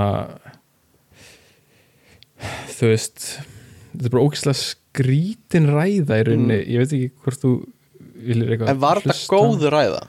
þú veist, hún er mjög svona veist, það hún er mjög svona kryptísk. Eða veist, það er mjög það var, það var líka verið að hérna, spila einhver viðtöl við fólk þar sem var að rifja upp þessa ræðu og þú veist, mhm, og það var að tala um að bara, þú veist, eftir ræðuna það voru allir bara hvað var hann að segja já, já. bara þú veist, þetta var einhvern veginn óskilinlegt og fólk vissi ekkert hvað uh, þú veist uh, hvað þetta þýtti í rauninni Nei. uh, en var það ekki bara svolítið í samfélaginu öllu bara hvað þýðir það að bankarinn hafi verið að hrinja og þú veist, jú, það, en, vissi einhver það en líka veist, eins og ég var að segja hvað allar þessar svona myndlíkingar þetta var mjög svona Já, allt svona undir rós og uh, óskiljanlegt sko eh, já eins og ég segi, rosa mikið af einhverjum svona myndlíkingum við mm uh, það að vera í stormi á skipi og að þú veist öldurnar muni Já. læja og eitthvað svona alveg bara,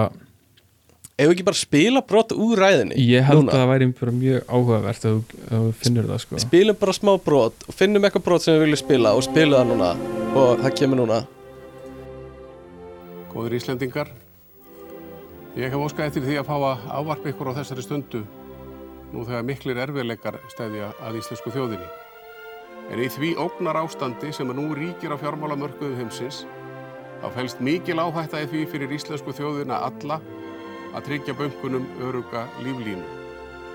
Þetta verða menn að hafa í huga þegar talað er um erlenda lántöku ríkisjóðs upp á þúsundur miljarda til að verja bankana í þeim ólgusjó sem þeir eru nú stættir í.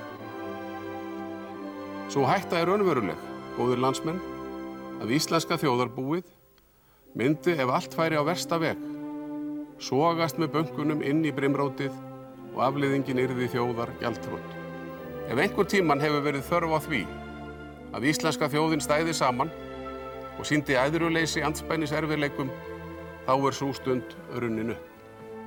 Ég hvet ykkur öll til að standa vörðum það sem mestu máli skiptir í lífi hvers einasta manns, standa vörðum þau lífskildi sem standast það gjörningaveður sem nú er að hefjast.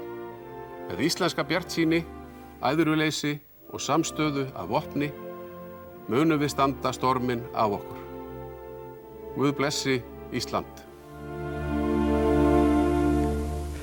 ok, þetta var ekki alveg jafn mikið að ég held sko Nei, En en, það voru nokkrar já, nokkrar svona millíkingar uh, Þetta var rosa mikið um eitthvað svona hvað íslenska bankakerfið væri miklu stærra heldur þjóðaframlegsla og eitthvað svona. Og þess vegna væri Ísland uh, ekki í sömu málum og bandaríkinu og eitthvað blá blá blá uh, Ég veit ekki fín var er, uh, fín ræða eða þú veist hvað veist, ég, held að sé veginn erfitt að átt sig á því nefnum maður hafi verið þú veist uh, einhvern veginn inn í öllu þessu því að það, veist, ég held að dagana undan hafi verið rosa mikið búið að tala um það veist, að þetta væri allt í lægi og eitthvað svona veist, það, Já, þetta já, væri já. ekkit svona alvarlegt sko. En svo þarna bara eitthvað svona þú veist, einhver neyðarlög sett bara á einum degi uh, Já, og þú veist, þá held ég að fólk hafi bara verið eitthvað svona, oh shit, það er eitthvað stórt. Já í að gangi gerast, einmitt. Já, já, já, einmitt. Já, ég veit ekki. Ég, við, ef við ekki bara halda áfram? Uh, við ætlum alveg að um. vera fljótir og já, já, við já, já, Uh, hvað, eitthvað af þessu fréttin sem þú setur inn? Viltu tala um eitthvað af því? uh, byrjuðu nú við Hvað viltu tala um? það aftur. Uh, Costco selur gull í massavís. Já, já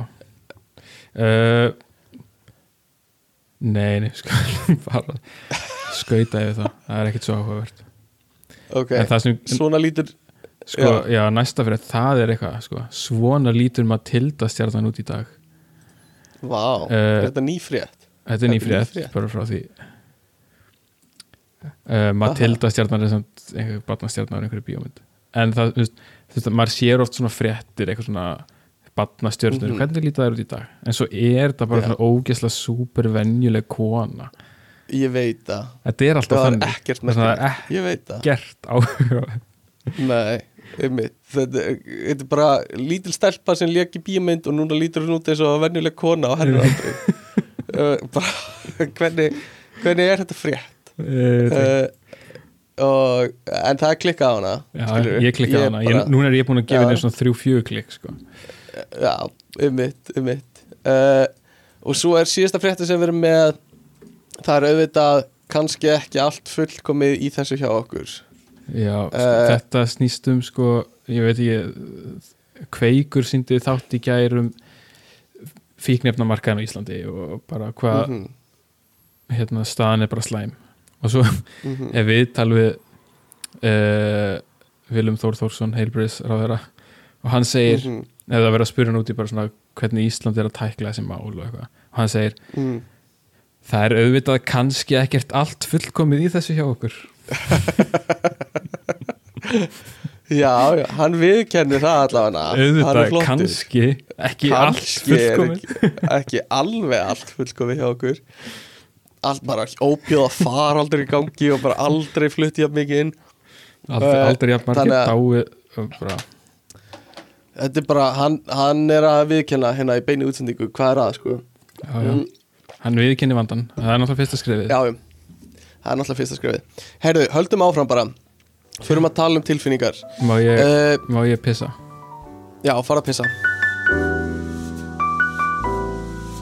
Já, einmitt. Já, já, já. Herðu, við erum konur aftur uh, Tveir gaurar uh, að tjá sem hluti sem við erum ekki sérfræðingar í. Hei, hei, hei, eh, strákar meiga tala um tilfinningar. Halló. Já, halló. Og það er nákvæmlega það sem við ætlum að gera í dag. Uh, Tilfinningar. Þetta er Þetta er mikið efni sem við erum með að skrifa henni í handritið okkar og uh, klukkan orðin allt og margt. Uh, allavega tilfinninga maður uh, allir hafa er maður hvað, þú veist hvað er þetta, skilur mm Þú, hvað, hérna þú veist, hvað eru tilfinningar eiginlega maður, skilur uh, af hverju uh, af hverju höfum við tilfinningar? Á ég að segja þér það? Já, segð mér það. Uh, sko það er náttúrulega koma vegna þróunar og hjálpa okkur að bregðast við hraðar í staðin fyrir að nota rökfræði alltaf. Já, sko við Björki horfðum saman á, á myndband áðan um sko af hverju tilfinningar hvað er að koma eitthvað svona. Uh, Þetta er eitthvað sem ég gerði mjög mikið þegar við vorum að byrja. Horfði á fullt af einhverjum myndböndum um umræðinu hef ekki eins mikið gert það undanfæri en þú veist tilfinningar, þetta er basically bara uh, þú veist þróanilegt dæmi sem hjálpar okkur að þú veist þegar við sjáum eitthvað hættulegt að við fáum tilfinninguna um að við erum að hlaupa í burti í staðan fyrir að við þurfum að leiða það út röglega í hvert einasta skipti eitthvað svona, teki bara ákvörðun já, á momentum bara on the spot. Og þetta er basically bara svona eitt til að hjálpa okkur bara svona að leiða okkur í gegnum lífið á svona eins og ég skilda bara svona á, á eðlisávísinni, þú veist. Mhm. ef við verðum hrifin af einhverjum þá uh, þú veist, ást skilur það er líka bara til þess að, að hérna, vita hvern við eigum að þú veist, makast við og eitthvað svona. Bara til þess að og þetta er bara mekanismi til þess að halda okkur á lífi eða koma erðaefnun okkur áfram í næstu kynnslóð eða þú veist já, og gleði er eitthvað sem við eigum að gera eða þú veist, bara eitthvað svona sem segir okkur við eigum að gera það eða þú veist, við Mhm. eigum að gera meira af því ef við erum glöð að við gerum eitthvað þú veist, það er gott fyrir þig og eitthvað svona.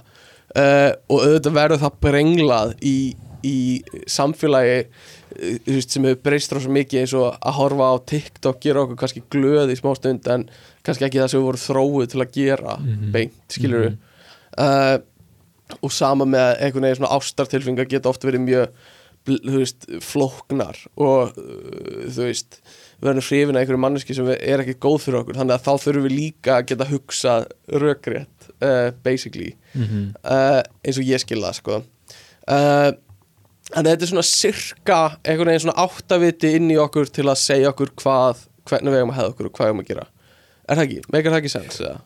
Jú, ég held að mikið nokkuð með sens sko Já, og svo höfum við, þú veist, rökrétt að heila nokkar líka til að hjálpa okkur að fylla upp í eyðunar, sko. Mhm.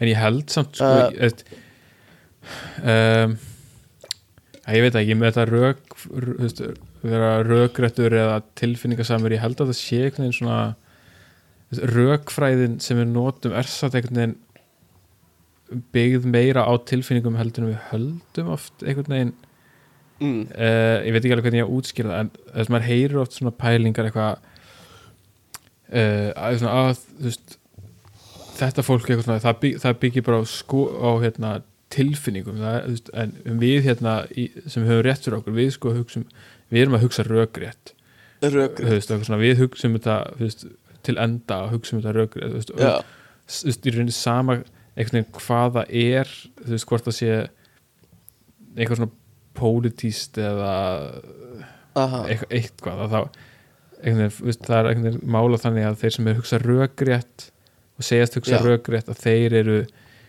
þeir trompi það sem að tilfinningar annara, veist, sem eru bara Mm. vinna bara á tilfinningum en á sama Já. tíma erum við að segja að tilfinningarnar er það sem að hjálpar okkur einhvern veginn að mm, átt okkur á því hvað er hvað við eigum að gera í einhverjum aðstöðum eða þú veist, já, algjörlega, en þú veist, við getum ekki alltaf, er það ekki, bara treyst tilfinningunum okkar, þú veist, við þurfum að þess að hugsa líka, uh, þú veist, það er ekkert alltaf lógíst að vera hrættur við kongulær, skilur við, einhvern tíma þurfum við bara að segja, þetta er ekki hættuleg konguló, ég get alveg haldið á henni, eða eitthvað svona, uh, þó að þú veist líka með okkur öskrar bara ekki snerta þessa konguló en þú veist, ef, Eh, ef líka minn er ef hann líka minn er að öskra það að, veist, að það að komast yfir þennan ótta er einhvern Mm. veginn, þú veist, þá ertu að finna minni ótta að, veist, þá, sem er þá bara minni af, minna af einhverju tilfinningu og einhver önnu tilfinning í staðin að, þú veist, hvernig áttu að vita hvenar þú átt að beita rök vísinni og hvenar þú átt að beita tilfinningum, þú veist, það hlýtur að vera einhver tilfinning sem liggur á baku það að finna út úr því hvort þú eigir að vera rökréttur eða tilfinningasamur já, það er örugglega bara einhvers konar æfi, bara svona heilbreykt dass af báðu, sko. Þú veist, er líka, væri heimurinn eitthvað betri ef að það væri engar tilfinningar skilur, og allir væri bara einhver svona uh, vulkanspokk típur sem væri bara uh, rökrétt þá mun, uh, eigum við ekki saman og ég vil ekki fara á stefnumót með þér. Uh, við bara pössum ekki saman og, og hérna eitthvað bla bla bla, Já, ná, það náttúrulega er heimur sem gæti ekki verið til akkur ekki. Þú veist, vegna þess að við vorum að tala um það að veist, þetta eru tilfinningar sem að, er, að tilfinningarnar eru það sem eru að halda okkur á lífi. Og veist, ef að bara eins og í þessum myndband sem við horfum eitthvað svona ógeðslega einfalt dæmi, eitthvað svona hellisbúi sem að sér tíkristýr og þú veist, ef hann, mm ef hann er að nota röggvísina að þá er eitthvað svona, hm, er þessi e, Mhm. tígrist, er þetta tíkristýr hættulegt eða ekki? Mm, og, og þú veist, þá er það seint og þá, þú veist, þá er það búið að ráðast á þig. Já, uh, en þú veist, ef þú ætlar að alltaf að nota rökvísina þá þú veist, tæk, þú þyrftir að vita svo allar forsendunar einhvern veginn á baku hlutina. Þú veist, þú getur aldrei tekið já, að það er engin eðlis ávísin þá þarfst að vita svo þú veist, þá getur aldrei þú veist já, eins og þú segir, þá þarfst veginn að vita allar breytunar á baku, þú veist, þú þarfst að vita hvort að dýrið sem þú sér fyrir fram að þig hvort að það sé hættulegt eða ekki. Mm, og ég, ég veit ekki, þú ég er meira kannski að hugsa þú veist, aðstæðum og þá getur ekki nota rökvísi.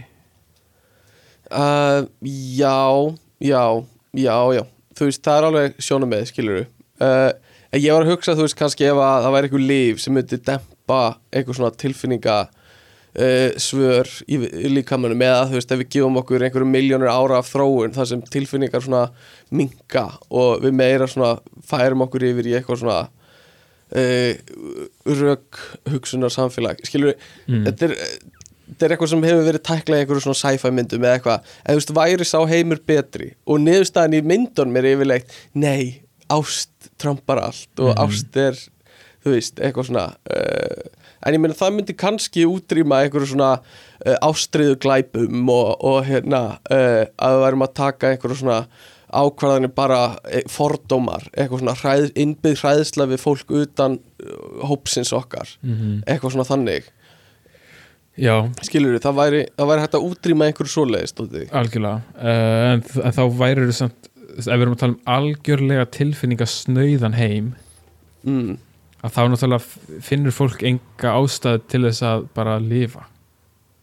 Já, og, eða fjölga sér eða þú veist, gera nokkuð skapaðan hlut. Þú veist, þú finnur ekki já, þú veist uh, þú veist, þú myndir ekki fyrir með sjálfsmór vegna þess að þú veist, þú finnur ekki þungliðistilfinningu eða eitthvað, en þú myndir heldur ekki þú veist, hafa áhuga að kynnast annari mannesku því að þú veist, það færi þér engar Nei, en menn veist, það það myndi færa- samfélagi myndi bara segja Samfélagi myndi bara segja hver er þetta fjölga sér Skilur við Og bara það er eitthvað svona mekanism í samfélaginu sem heldur í gangandi uh, Eitthvað þannig. Mm, mm -hmm, mm aha, akkurat. Ég veit ekki, ég er bara að reyna að veist, velta steinum hérna. Hvað hva skiptir veist, af hverju skipta eh, er lífið ekki þess virða að lifa ef við hefðum ekki tilfinningar?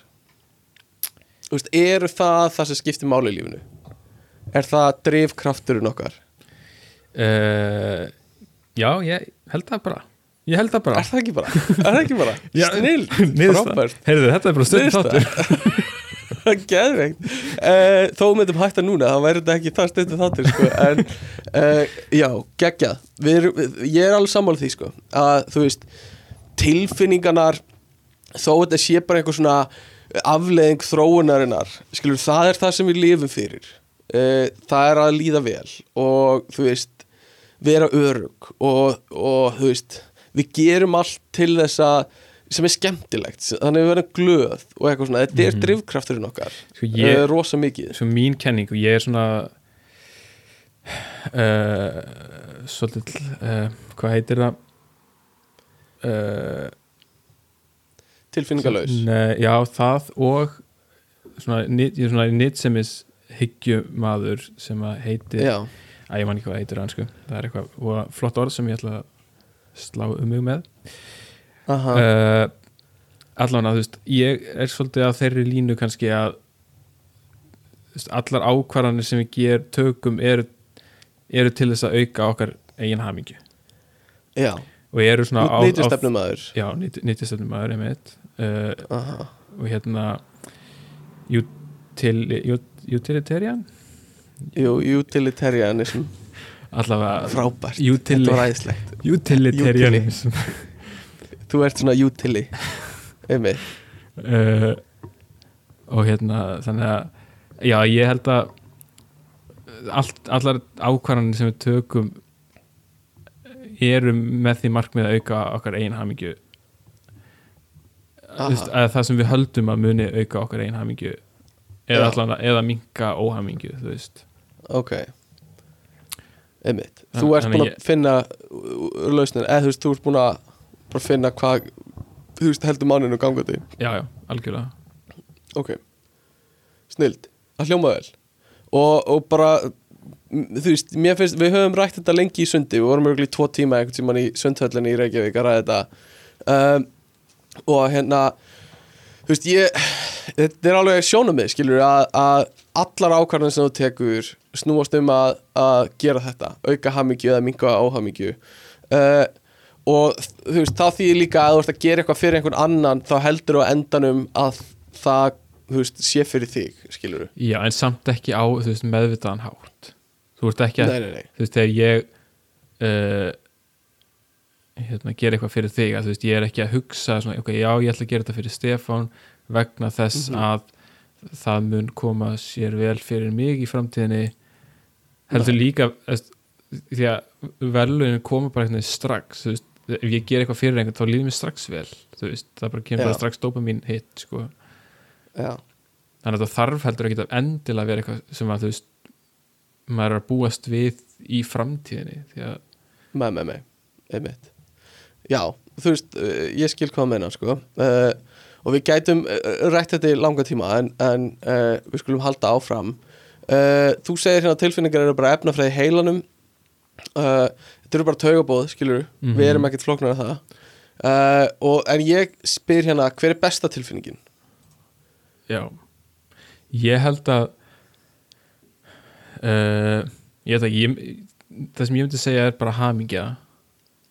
Já, að upplifa hamingju sem er Já. samt bara svona þú, veist, þú getur auðvitað sett 50 aðra tilfinningar undir hamingju eða þú veist, það Mhm. sem virkar sem að þess að hamingja sé einhvern veginn uh, já, s- Já. þú veist, nái yfir svo margt það er Mörg gleði, tilfinningaástand. það er öryggi já, einmitt, það er, þú veist uh, einhvern veginn næjusemi það er eitthvað, það er alls konar svona tilfinningar inn í þessu Já. einmitt, einmitt þannig að en já, þú veist þannig að þú veist, ef þú upplifir hamingju raunverulega hamingju og ég veit ekki svona hvort, hvort að þú það er örugglega erfitt að átta sig á því hvenær maður er að upplifa hamingju einhvern veginn, já, já. Eða ég veit það ekki. Þú veist, þeir eru út í hláturskastum við viniðinum það er ákveðin, þú veist, það er góð tilfinning, algjörlega, skilur við partur á hamingju. Algjörlega. Þú veist, það er, já, það er hamingja þar sem að, sem að kannski gætur bara flokka allt undir óhamingju eða hamingju og svo er þetta með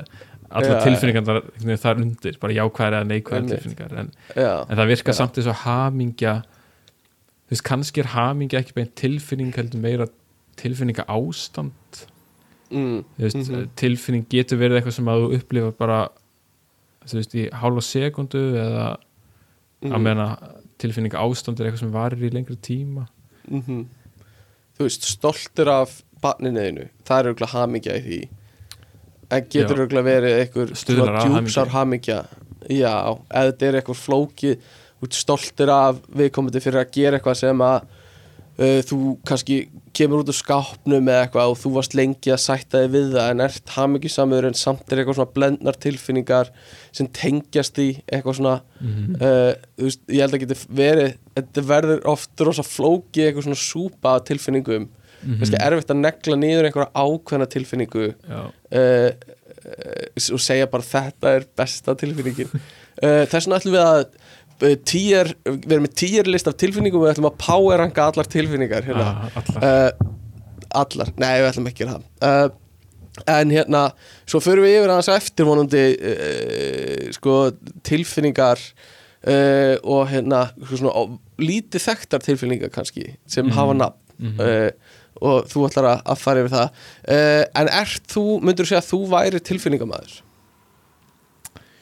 Uh, ég held ekki svona ef, ef þú myndir taka allan skalan af mannfólki þá held ég að ég sé ekki endilega í svona tilfinningasamari helmingnum allavega sko.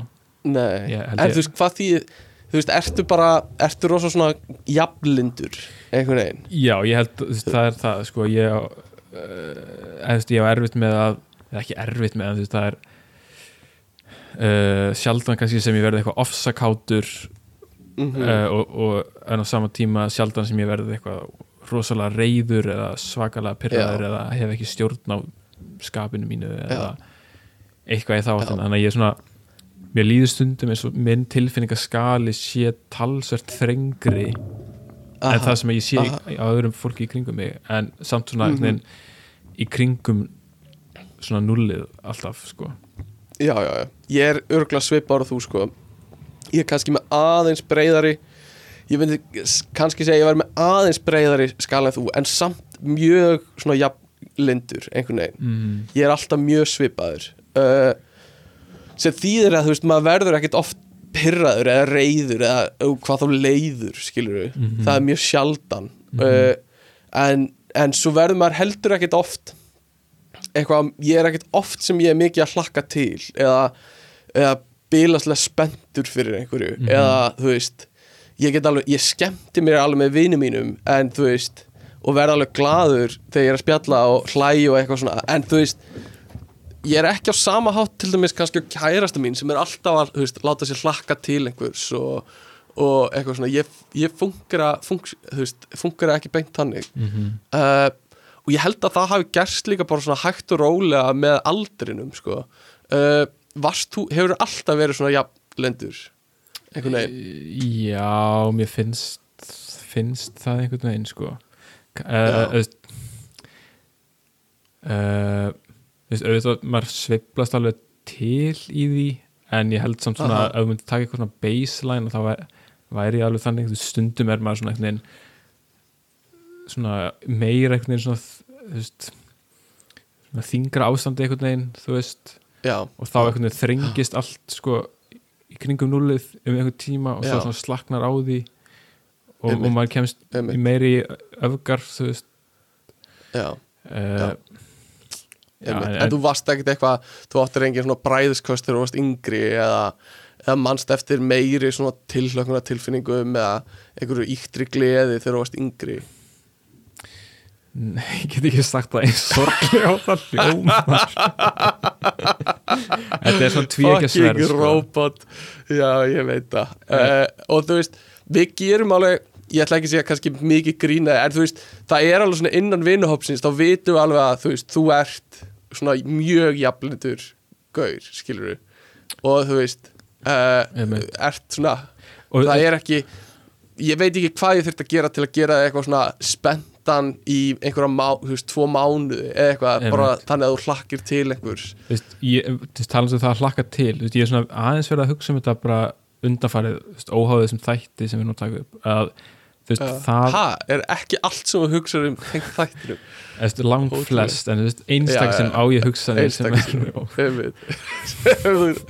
en ert núna að segja þér samt í þættinu sem er Já, gott? já, það ég- er enda alltaf heima. Veist, alltaf þegar ég fatta á, ó, ég er að hugsa eitthvað sem er ótegt þættir þá skrifa ég niður og bara til þess að koma því að í að um- já, einmitt. Uh, Nei, það er hlakka til. Ég held að það sé að mér líður eins og að það sé svona drifkraftur einhvern veginn veist, en veist, Mhm. þarf ekki að vera eitthvað svona einhver stór utalandsferð eða eitthvað, bara svona eitthvað stutt Nei. þú veist, ég vil bara eitthvað svona stutt í framtíðinni bara til að koma hann í Já. gegnum því að þú veist, ef ég ef ég á að vera hreinskilin þú veist, því að ég er hérna uh, að vinna þú veist, í fjárvinu uh, Aha. þú veist, er bara heim alltaf daginn og hitti aldrei neitt og eitthvað svona þú veist, og Já. sem var alltaf lægi svona fyrst en svo var þetta svolítið erfitt og. Veist, fyrir viku eða tvei, já, fyrir svona viku síðan þá veist, átti ég alveg bara svona nokkra daga sem voru bara svona frekar bara svona þunglindis dagar einhvern veginn það, það var allt, allt einhvern veginn glatað.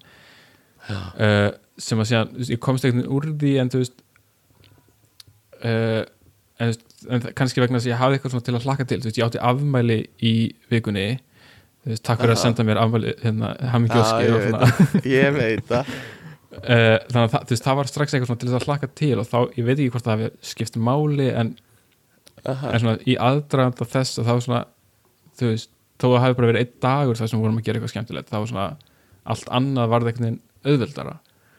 Já, og þess núna er ég búin að, ég er búin að skrá með eitthvað námskeið sem byrjar í næstu viku þannig að ég er svona, ég hlakka til þess. Mhm. uh, þú veist, þannig að þá er eitthvað svona til þess að vinna að, þú veist. Mhm, mhm. Þó að það sé ekki, eins og segir einhvern, sem er eftir tvo mánuði og ég er spenntur í, í tvo mánuði. Veist, ef ég er að fara til útlanda þá er ég kannski spenntur, veist, tvo daga áður eða eitthvað, þegar ég byrja að pakka þá svona, já, ok, nú er ég svona, já, við erum að fara, á, það er gaman. Einmitt, já, já. Ég, þetta er mikilvægt að hafa eitthvað til að hlakka til sko. Uh, og, og hérna það þarf ekki eins og stundum er ég bara hlakka til ég veit að það er skemmtilega æfing í rektinni eða eitthvað, mm -hmm. skilur Mhm. og ég er bara, þú veist, að finna eitthvað. En ég er samt ég er ekkert mikið þú veist, í svona eins og ég veit að margir bara hlakka til jólun eða ammæli sitt eða eitthvað svona. Já, já, uh, þú veist, ég já, ég veit ekki. Og það er örgulega, maður missir örgulega þú það er það er leðilegt að missa af því. Mhm. en ég er líka mjög fegin að þú veist þetta verður til þess að ég er ekki oft mjög down, Mhm. og ég, en þú veist ég verð alveg down ef ég er ekki aktífur uh, þú veist, ég veit hvað ég þarf að gera til þess að halda mér góðum þú veist, Mhm. ég þarf að fara á æfingar og ég þarf að þú veist, vera í kringum fólk og ég þarf að vera að gera eitthvað og ég þarf að hafa eitthvað fyrir stafni þú veist, þegar ég var að skrifa mastersritgerina mína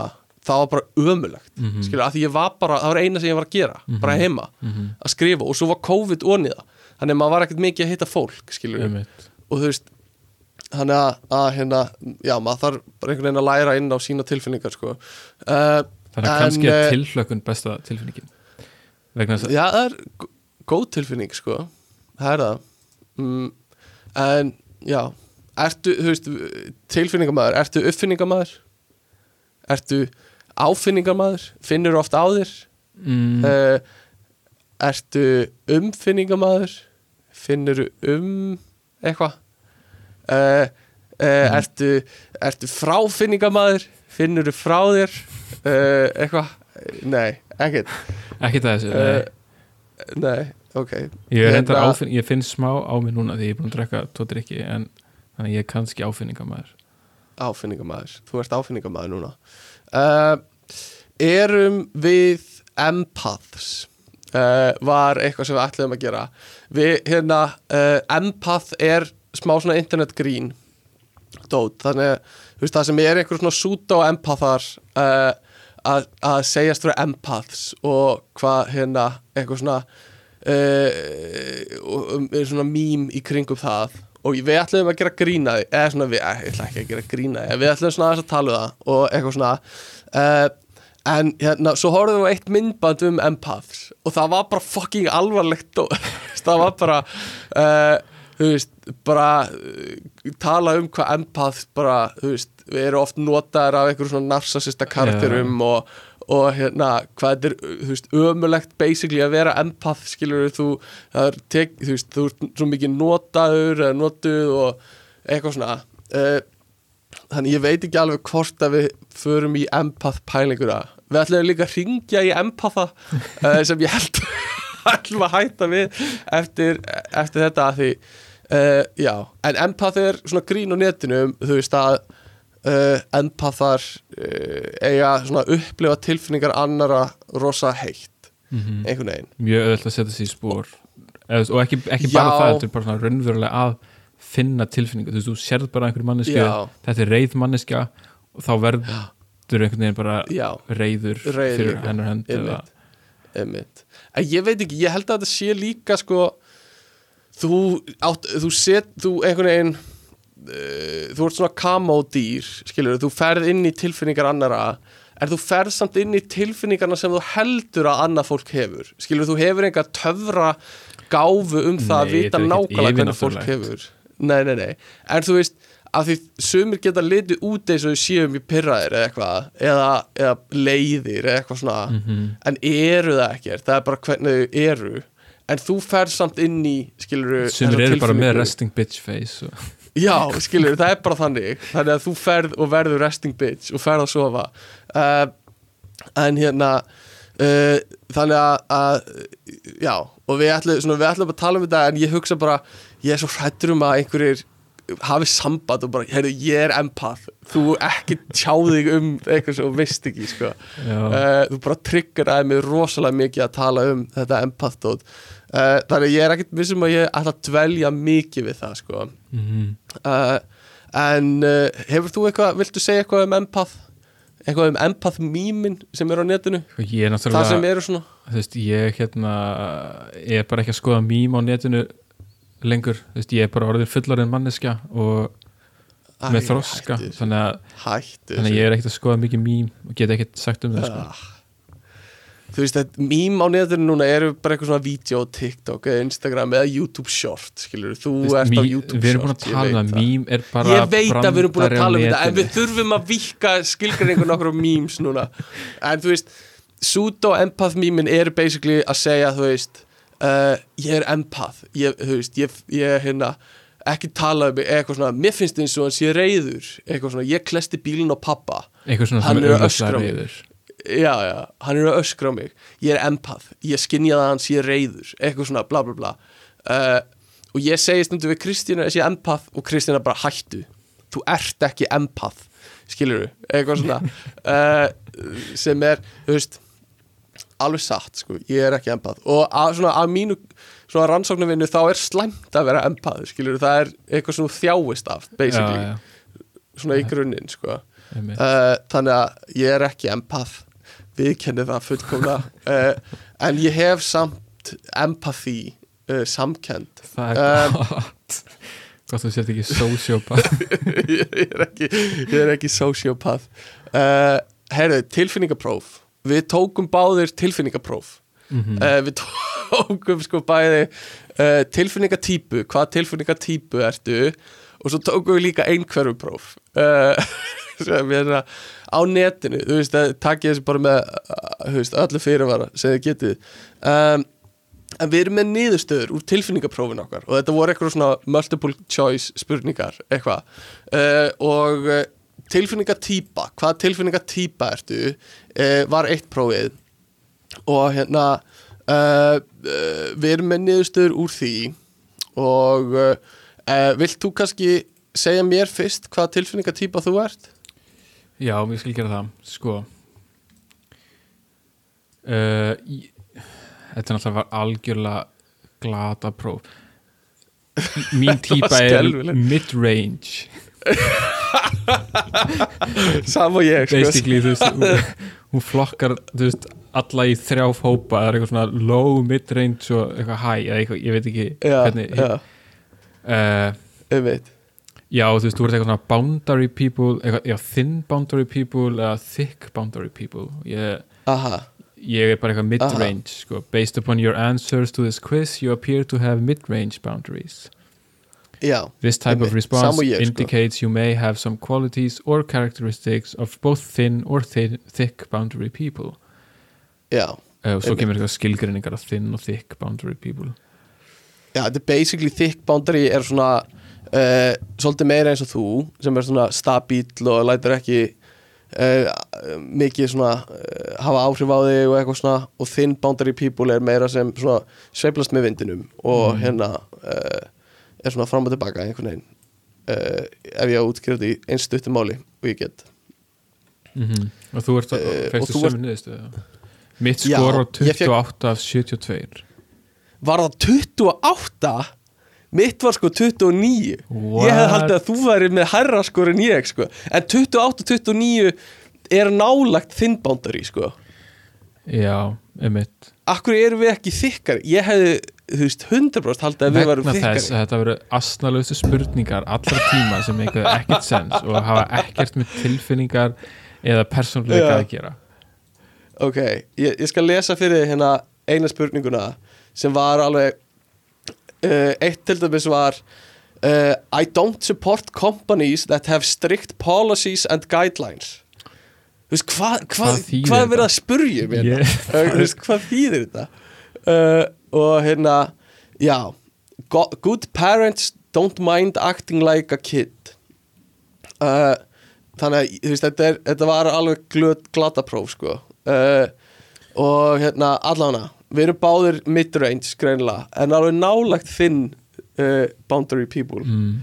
Við erum, erum alveg nálagt tilfinninga fólkinu þannig uh, ég veit ekki alveg En- hvort ég tæki mark á því. Nei, en svo er stóra spurningin sko, Mhm. ertu einhverfur? Og ég skal svara fyrst. Já, Ég, ég er uh, langt frá því að vera einhverfur basically, uh, það sem ég fekk ok. Eða þú veist, ég er með few tendencies. Uh, ég er alveg á mörkunum að vera með no tendencies í few tendencies. Mm. uh, og bara uh, you experience very few signs of autism and probably are not autistic. Okay. Varstu, hvað, basically hvað skorið? Tíu eða eitthvað? átta, Á, ok. Þú veist, það er bara, það er bara alveg á mörkunum. Næstu, 7-8 næstu eru að vera no tendencies. Já, og bara til þess að segja þess, þetta voru 30 spurningar. Þetta voru já, 30 já, til þess að greina. Fjölval spurningar til að greina. Sem voru með, strongly disagree slightly Já. disagree Einmitt. Eitthvað svona somewhat agree og strongly agree. Mm Þannig að- já. Uh, Mér langar að heyra hvað þú fegst ok, sko. Ok, based on your results. Aha. There is a strong probability that you are autistic. Já uh, þetta er, með, með, þú veist, þetta er, þetta er netpróf skilur við, þetta, er ekki alveg próf. sko, ég ætla ekki að taka þessu illa því að þú veist e- e- veist, Þetta er ekki illa, en þetta er bara netpróf þess vegna er ég að hlæja skilur við, þetta er ekki alveg greining. Sko ég ætla bara áður við tölum meira um þetta skorið mitt á 21 Ok, uh, þannig ég er þarna í Vá, strong það likelihood.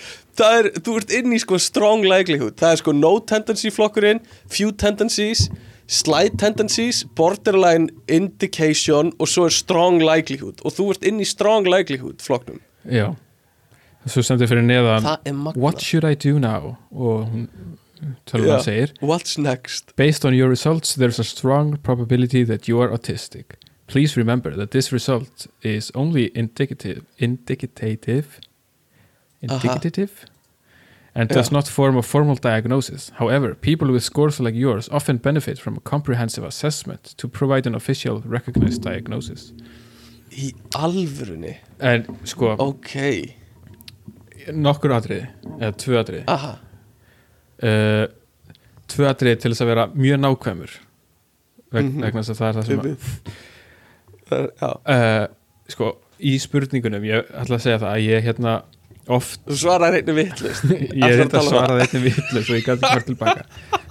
Ég, svara, ég svaraði henni eitthvað svona stronglega grí þegar ég ætlaði að gera moderately agree eða eitthvað, Já, já, en, ok, en ok, oft svona í spurningum þar sem ég var ekki alveg viss þá svona oftar held ég að ég hafi þú veist, frekar farið í áttina sem svona hallaði skorinu í átta meira meira einhverjum. og hi- Já. hinn punkturinn þú veist, þetta- það er ekki eins og við sem að pæla í þessu fyrsta skipti. Ég held að við höfum verið í hagaskóla þegar við vorum að kenna í einhverju kaffipásu og, og, og ég gerði svona próf. Nei, þú veist, ég ætla bara að segja þú veist, ég þú veist, eh, þú veist, ég var alveg pælt í þessu. Og þú veist, ég þú veist, ég mér finnst bara mjög líklegt að, að annað fólk í kringum mig hafi pælt í þessu. Já, já, já Einmitt, einmitt. En uh, já, það er bara það sem ég ætla að segja en, Já. kannski þyrfti En ég þú bara Mér finnst alveg Já, hvað segir Ég ætla að segja bara kannski þyrfti ég bara að láta kannski þyrfti ég bara að svara aðeins fleiri spurningum en 30 Já, já, þú veist Mér finnst alveg make a sense að þú farir í svona próf sko. Uh, en, en þú veist Mér finnst, það sem mér finnst, finnst að, ég, Mér finnst þessi þetta er afsakar hláturum minn sko Það er bara að þetta sé eitthvað online próf sem er að segja þér að þú sért mjög líklega uh, einhverfur, skilur Já. sem er bara, þetta er bara eitthvað bull próf á netinu, Já, já, skilur já. Já, en samt sko þetta er þetta er ekki, þetta er einhver hérna einhver svona einhverfu greiningar stopnina fyrirtæki Ok. því að þú veist, hérna neðst segja þau sko our, our autism assessment for adults cost Mhm. uh, 2250 pounds. Já, já, uh, þannig að þetta er alveg eitthvað svona eitthvað professional sko. Ok, en, ok. já, en veist, ég er kannski já, veist, ég, er alveg velli fyrir mig hvort að ég sé einhverstaðar hérna, svona Aha, innarlega á rófinu sko. já, já, já. Og Uh, það já, já, það kemur sko. ekkert óvart sko. uh, Já, bara meira enn í lagi sko. Við þurfum ekki eins og að segja það En hérna uh, Bara að þetta hafi gerst í, í beinu útsend Eða þú veist, í þættinum finnst mér Mér finnst það mjög fyndi sko. Að þú sést bara eitthvað bí- uh, Býtu nú við Hérna Já um, Nei, en þetta er aðeinslegt Við erum allavega að komast að Ímsum hlutum hérna um, En- Já, þá já, já, mjög já, já fyndið að hvað erum með ólík skor hér en svipuð skor Mhm. í hinu Já, prófunu 100% sko. Uh, bara algjörlega sko. Uh, mjög svipu skor í hinnu að því við erum ógisla svipaðir að mörgu leiti en svo er eitthvað svona eiginleiki við þig sem er, sem er öðruvís en ég sko. Já, uh, þannig að, að hérna, allavega uh, Vilt þú taka næsta punkt uh, já ég Í að týna skjalinu hérna. Að því þú skrifaðar hann nú. Ég skrifaði. Mm og þetta er nú bara spurning til þín. Hefur þú Já. farið til sálfræðings? Eða Ég, Já. já. Hvað segir hm? hefur þú farið til sálfræðings? Sko ég hef farið til sálfræðings en það er svolítið langt síðan sko. Mm. Þetta var þegar ég var yngri, ég veit ekki hvað ég var gammal, tíara eða eitthvað, ég var bara, bara barn. Uh, með kvíða. bara bara lítið barn. Ég var með svona barnakvíða einhvern svona existentialisma kvíða. Uh, og fór í nokkur skipti, ég man ekki mamma fór með mér, ég man eftir þetta var í Hafnafyrði uh, og uh, þú veist ég man ekki, mér fannst það ekkert eitthvað æðislegt. Mér fannst aldrei eitthvað næs mér, ég veit ekki hvað það kallinn sem held að hann veiti Haraldur eða eitthvað. Uh, hann var ekkert frábæ eh, ég tengdi ekkert rosa mikið við hann. Uh, og þetta var eitthvað svona svona kvíði sem svo einhvern veginn eldist af mér held ég. Mm. uh, og hef ekki farið sko til sálfræðings eftir það. Beint. Þannig að, að hérna já, ég hef ekki svona reynsla við sá fullorðis árum að vera og, og já, að vera hjá sálfræðingi sko. Uh, uh, ég er, trúiði alveg að þetta sé holdt fyrir öll sko að hugsa um það, fara til sálfræðings uh, sérstaklega ef að þú veist það er eitthvað bara smá sem þú heldur að þú getur hjálpað getur hjálpaði við. Ég bara ég veit ekki, ég hef svona fungerað bara vel svona meira og minna það hafa verið svona tarnir þar sem mér hefur liðið verð Mhm. en þú veist það er yfirleitt bara svona tímabundið eins og við vorum að tala um áðan. Mhm. þú veist, þegar það er eitthvað mikið í gangi eða þegar rútínan fer í eitthvað rugl eða eitthvað svona, Mhm. en heilt yfir hef ég náða að vera bara halda mig bara mjög góðum sko. Uh, en myndi ekki hika við að gera það uh, uh, þú veist, ef að ég sæi fram á að það myndi, þú veist að hjálpa mér sko. Já, einmitt uh, já, ég, ég hef, hef sjálfur hef farið til sálfræðings fyrir uh, einhverjum nokkrum árum síðan. Uh, mm og uh, hérna þú veist mér fannst það svona allt í lægi en mér fannst samt eins og að það væri ekkert að gera neitt fyrir mig. En þú veist, Nei. en sama tíma þá eh, heyrir maður alltaf tala um það svona, já þú veist það tekur tíma að finna rétta sálfræðingin og eitthvað svona já, já. Og Eh, komast inn í meðferðina býst ég við, já, þú veist, tíu tímar eða eitthvað, þú veist ennþá að já, sem kostar 200 úrskall og já, einmitt. Reyndar, veist, ég er reynda að bý mjög vel af því að veist, ekki það, ég hef ekki nýtt mér ennþá en uh, fyrirtæki sem ég vinn hjá borgar einhverja fimm sálfræði tíma ári eða eitthvað. Ok, uh, sem að ég held að sé bara mjög, mjög gott og veist, það er ekkert Mhm. að útskýra fyrir fyrirtækinu af hverju maður er að, Nei, að fá það eða ekki. En stundum veldi ég því fyrir mér hvort að sálfræðingar viti eitthvað hvað þeir eru að gera. Þú veist, auðvitað er þú veist, auðvitað, þú veist, sum vandamál eru svona einhvern veginn svona rútínu vandamál og þú veist, það sem er til einhver Mhm. svona bara mjög svona prófaðar aðferðir. Uh, en svona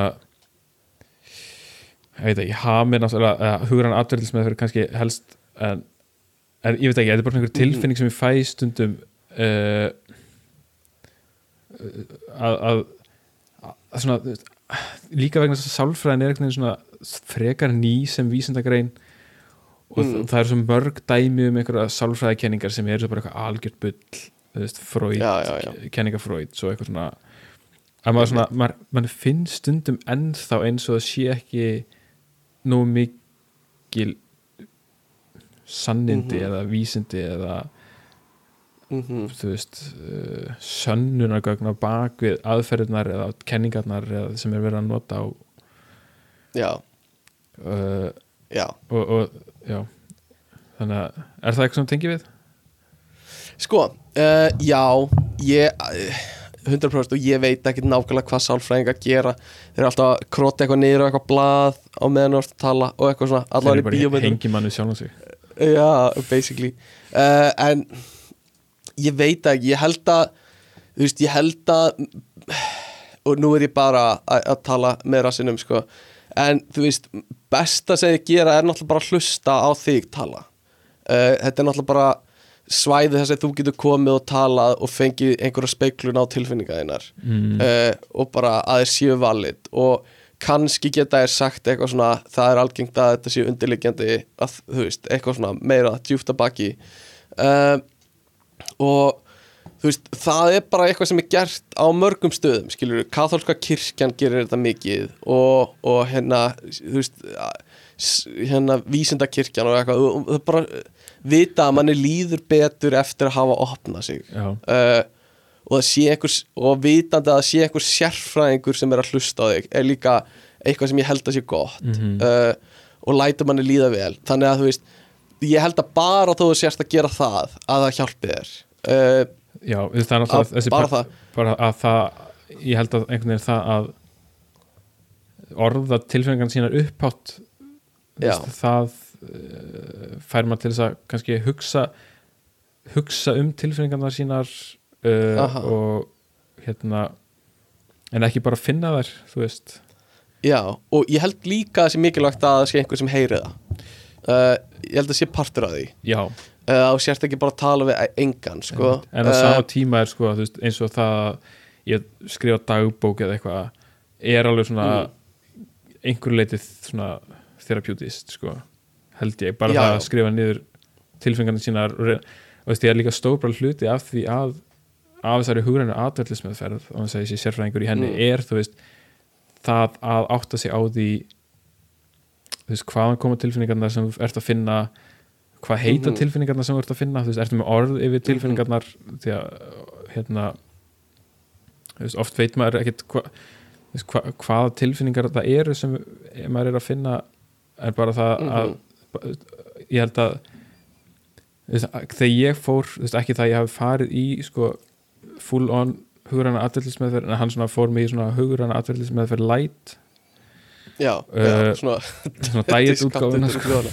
já, um mitt og þú veist, hann lét mér svona fá eitthvað blað með, þú veist, grilljón nöfnum og tilfinningum og maður Mhm. eftir eitthvað svona, þú veist gera hring eða bara merkja við þær tilfinningar sem maður fann, á einhverjum tímapunkti eða Mhm. eitthvað, veist, yfir kannski eina viku eða eitthvað og það eru Já. svona alls konar tilfinningar sem maður kannski átta sig á því að veist, það eru til orð yfir tilfinningarna eins og bara, veist, léttir eða uh, værð eða vantraust Já. eða fyrirlitning eða eitthvað, bara þegar maður hugsa um tilfinningar þá er maður alltaf svona, ó ég er reyður og ég er sár, Já. ég er r- glaður eða eitthvað, en það er eitthvað svona eins, eins og sé að Mhm. fara dýpra á um mitt uh, æsingur, gremja uh, uh, vannmáttur hjálpleysi. Mm þetta er svona kannski orð sem eru minna notuð heldur en þessar svona vinsalstu einmitt, tilfinningaorðin sko, einmitt. einmitt. En þá, þannig kemur eiginlega aftur að þú veist þessu sem hún heila tala um í byrjun með svona rökvísi eða eða hérna bara það að elta tilfinningarnar og láta þær stjórna sér einhvern veginn er að þessi hurna allir sem hefur snýst um það að beita rökvísi á tilfinningarnar sína Mhm. einhvern veginn. Mm því að sum, Mhm. suma tilfinningar eru bara órökréttar tilfinningar já, já. Einmitt.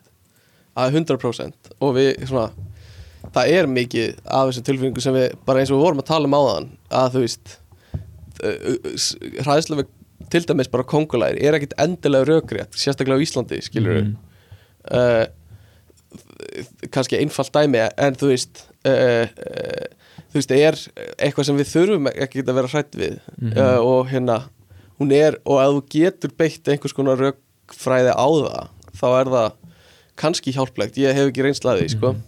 Já, eða bara svona þú veist, félagskvíði eða eitthvað þú veist, að það er ekkert að fara að gerast í þessum aðstæðum, þú veist, þú ert að upplifa einhverja tilfinningar, einhver svona efnafræði í heilanum að þér sem eru í sama efnafræðin og þegar þú veist, einhver hellisbúi viss- vissi ekki hvað hann átt að fá næstu máltíð eða eitthvað. Þetta er svona sömu tilfinningar en bara þú veist, algjörlega þú veist, það er ekkert að fara að gerast ef þú segir eitthvað vittlist í einhverjum félagslegum aðstæðum eða já, En- einmitt. en, já, samt er eitthvað kerfið í manni er, Mhm. er ekki hanna til þess að svona vera að í svona smávælum hlutum eða ég veit ekki. Og það getur margir veist, sem segja við þig bara það er ekkert að fara að gerast, gera þetta bara eða þú veist, hvað er að fara að gerast, hvað er að versta sem getur gerst, er eitthvað sem maður heyrir oft eitthvað svona? Mm -hmm. uh, og þó þú heyrir það, það hjálpar þér það ekkert endilega að heyra þetta eða þú trættu við að tala fyrir framafölda fólki eða eitthvað.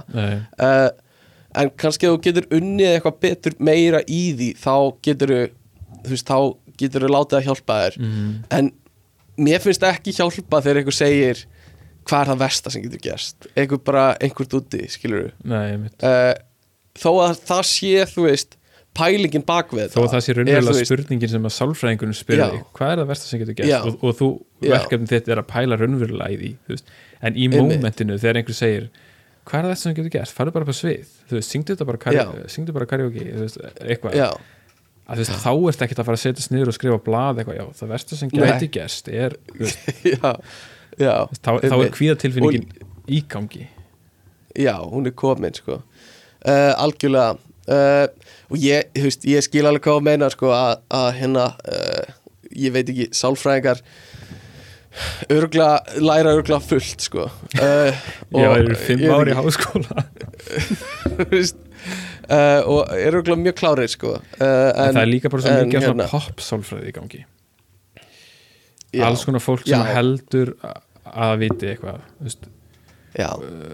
hérna ég veist, er kannski bara búið að lesa tvær bækur eða eitthvað heldur að sé Mhm. sérfræðingar eða þú veist, talar bara út frá sinni eigin upplifun uh, og heldur Já. að það sé einhvern veginn algilt yfir annað eða Já, já, fólk já. sem að talar um hvernig persónuleika fólk er með bara út af því hvar þú veist tunglið var staðsett eða fættist eða eitthvað svona og heldur að viti eitthvað ekki byrja á þessu Þetta er, við getum ekki byrjað á þessu aftur sko. uh, já, klálega eigum að fara yfir hérna svona tilfinningar með nöfn svona, Aha.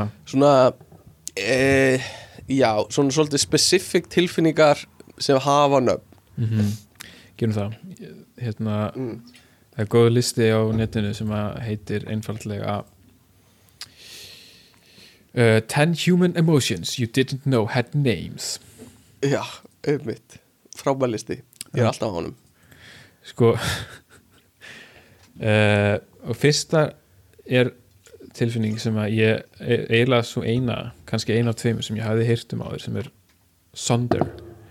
Og, Sonder, og hérna þetta er svona hvað er þetta hugsaðastu mín, hvernig líður þér? Æ, ég er bara svona smá sonder núna. Já.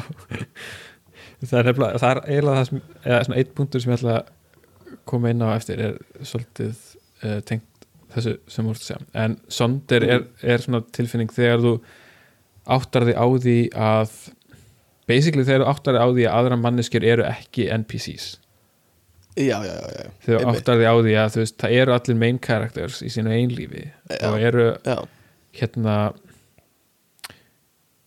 uh, já þú veist með jafn, jafn gilt og, og hérna jafn gilt líf og þú þú veist með ein Já, hafa bara sinn eigin er bara sinn eigin alheimur er veist, það er bara alheimur í gangi í hverjum heila, sko já, og, og með já. upplifa sín eigin tilfinningar eigin þú Mhm. veist, allt sem þú upplifar er í gangi í haustum á öllu öðru fólki. Já, öllu öðru fólki, ekki bara einum öðrum heldur 7 eða 8 miljörðum af fólki.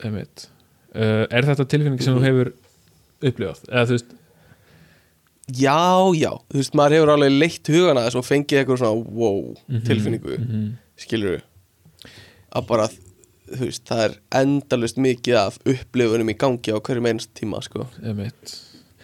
Og ég algjörlega sammála, ég, veist, ég mm, hérna, maður hefur alveg pælt í þessu. En mér finnst samt eitthvað skrítið það að kalla þetta eitthvað svona eina tilfinning, þetta er svo einstaklega specific eitthvað. Mm, já, Eh, já. svona, en þú veist, jú, ég skil alveg með þetta, svona meira, meira sens fyrir mér heldur en allt hitt sem kemur á þessum list. Ok, ok, ok. Hvað er næsta tilfinning? uh, sko, ég ætla að nefna hina sem ég hef heyrt áður fyrst. Og hún er reyndar af öðrum lista já. sem er uh, miklu leiti samilistin en það er Deja Vu. Já, já sem er náttúrulega eitthvað sem að maður hefði haldið allir hefði upplifað en vefsíðan sagði að 75% af fólki upplifar hefur upplifað Deja Vu. Sem því að Ok. einn af hverjum fjórum þú veist, ef þú myndir taka mig eða okkur tvo gumma og, og tomma eða eitthvað, þú veist, einn af okkur hefur Já. ekki upplifað Deja Vu. Deja vu, einmitt. Ég upplifa alveg oft, eða þú veist, hefur upplifað oft sko. já, ég líka. Þannig að það er annarkvort tommi eða gummi sem hafa ekki upplifað Deja Vu. Mm. Og Deja vu er basically tilfinningin að þið finnst eins og hafi gert þetta áður. Já, það verður upplifað einhverjar eitthvað moment áður þú veist, og bara svona a- allt frá því að vera þú veist bara hugsanleitna einar tilfinning ástandið þitt, umhverfið mm veist, já, atburðir. Já. Einmitt. Uh, Það er, þetta er skemmtileg tilfinning sko þegar maður lendir í þessu. Já, þetta er mjög, mjög fríki fyrir þessi Mhm. 25% sem ekki vita. Já, já.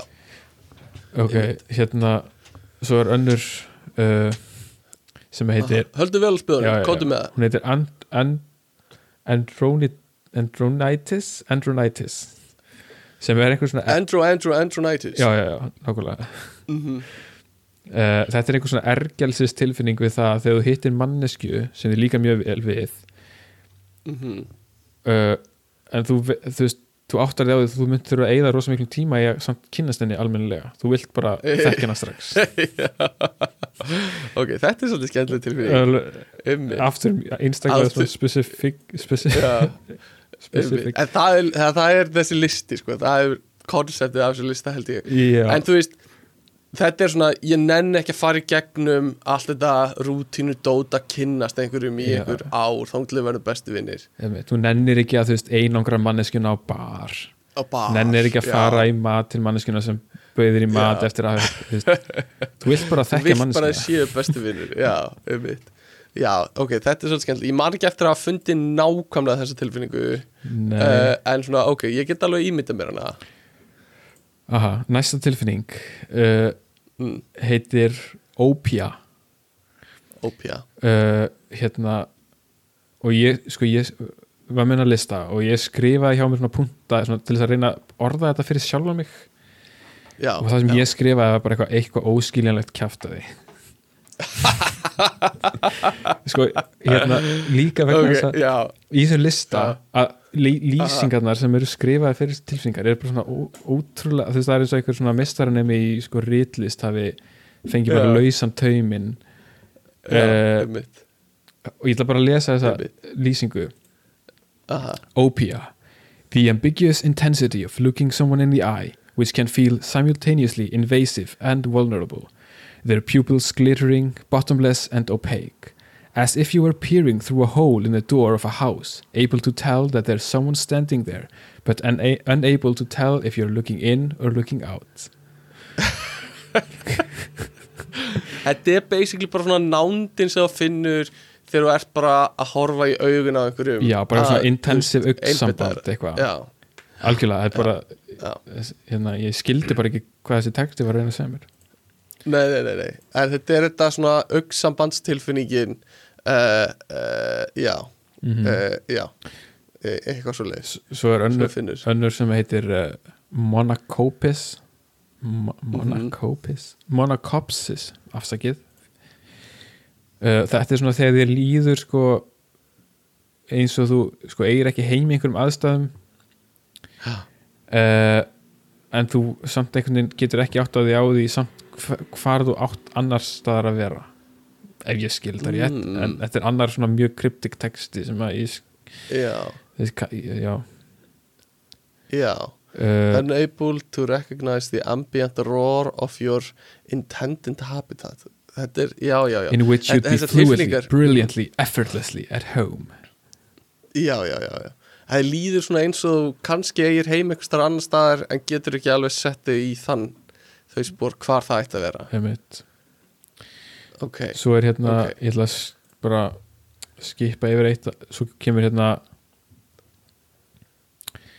rubatosis Rub Rubatosis. rubatosis sem er svona sem er the unsettling awareness of your own heartbeat whose tenuous muscular throbbing feels like less like a metronome than a nervous ditty your heart is tapping to itself the kind that people compulsively hum or sing while walking in complete darkness as if to casually remind the outside world I'm here, I'm here, I'm here. I'm here já.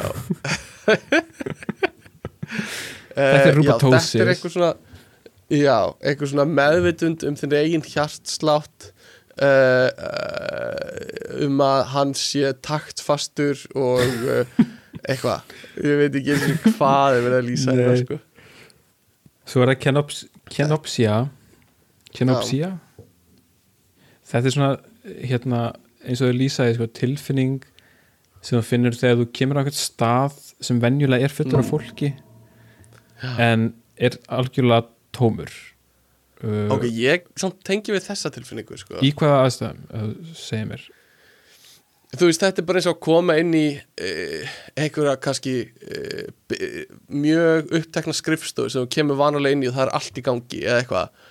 Og kemur hann inn og það er bara tómt og þið finnst eins og það eigi að vera eitthvað í gangi. Mm -hmm. og það er bara svona tómleika tilfinning einhvern veginn.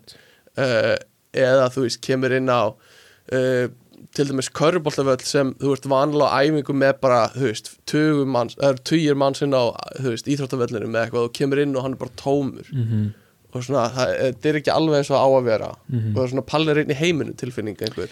Já, einmitt. Akkurat, ég ég skilast tilfinningu og ég, ég átta mig alveg á því þú veist hvað aðstæður er verið að tala um en ég er ekki viss um að ég finn einhverja svona einhverja svona óþægilega tilfinningu Nei, eða þú veist uh, ég, já, já, ég veit ekki þetta er eitthvað svona smá eins og það sé eitthvað smá out of place á, já, einmitt. Uh, eins, og, og- eins og síðan segir sko an emotional after image that makes it seem not just empty but hyper empty with a total population Já. in the negative. Já, já. Hyper empty. Population in the negative einmitt, það er það sem ég var að hugsa. Einmitt. Ég, ég er svona skil þessa tilfinningu sko, Ok, Mér finnst ok. það mega sense. Ok. Svo er það chrysalism. Chrysalism, chrysalism, chrysalism eða eitthvað, ég veit ekki. Chrysalism mm þetta er svona róin við það svona ró, rósendar tilfinning þegar þú Aha. ert inni og það geysar stormur úti.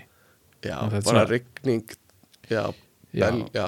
Og hérna rigning slær gluggana og þú ert í cozy inni. Já, þetta er svona einhver er þetta ekki einhver svona öryggistilfinning? Jú, sennilega og svona cozy bara jafnvel snarkandi eldur og þú veist, þú veist að það er bil, bilur úti eða eitthvað en þú ert inni við gluggan Já. eða þú veist, já, getur hort út já, einmitt. Ok, ég líka alveg skil þessa tilfinningu sko. já, já, maður hefur alveg upplifað upplifað þetta en já en svo er það hérna anekdoki mm. uh, sem er ekki tilfinning samkvæmt þessu heldur samtal þar sem enginn hlustar á hvern annan en allir tala yfir hvern annan eiginlega í keppnum það hver er að segja áhugaverðstu söguna ok, en þetta er þá ok. einhvers konar tilfinning sem að þú finnur þegar þú ert Mhm. stattur í svona þessar samtali mm. Upplifir þessar aðstæður. Já. ok, ég líka get alveg ég er alveg stundum bara, ok það er enginn að hlusta á neitt og það er allir bara að tala aðstæður og ég svona, svona sé, veist, upplifi það. Ég skil þetta alveg líka. já, já, en ég bara áttum ekki á því þú veist, þetta er svo þetta er bara svona, mér finnst þetta einhvern veginn astnalega specific til þess að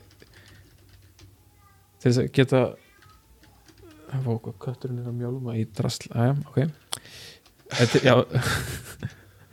Uh, til þess að hérna átta mig að veist, já, mér er svona of specific til þess að geta sagt að það sé eitthvað svona mm. veist, að þú, annars getur bara hérna Þessi köttur er eitthvað að trubla þarna. Já, annars getur bara hvaða minni háttar aðstæður sem er þú getur einhvern veginn svona ímyndaðir að sé sama tilfinning. Eða, þú veist, mm. ég ímynda mér að tilfinning geti átt við fleiri en einar aðstæður. En þú veist, getur mm ímyndaðir aðrar aðstæður þar sem þú ert að finna sömu tilfinninguna þess að anekdoki þú veist, eru er einhver aðra aðstæður heldur en þessar super nákvæmu aðstæður? Uh, Ég veit ekki, kannski bíómyndin New York sind nokt uh, uh, Það ætti náttúrulega að vera sko sér tilfinning fyrir að horfa á þá mynd. Uh, það er náttúrulega bara hérna, óhamingja í hæsta geðaflokki. Já, alveg sko. Uh, Sorry fyrir hlustendur sem veit ekki hvað mynd það er En það er skelvileg mynd Sem hérna, já.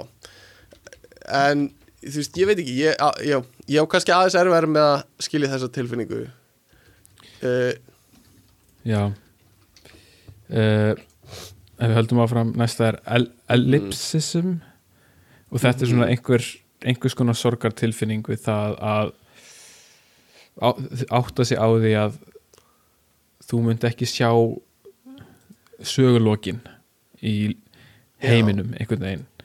Uh, mm, þar sem þú veist, þú myndi ekki vita kannski hvernig þú veist, batna batna bönnin eða eitthvað, ef þú ert orðin mm áttræður og þú veist ekki hérna hvernig verða batna bönnin Mhm. mín þegar þau eru orðin fullorðin? Eða, Já, já, eða bara þú veist þú ert kannski að vinna einhver verkefni sem að þú veist að mun í rauninni já, lifa þig, þú veist? Og þú veist ekki hvernig það mun enda eða eitthvað, ég veit ekki.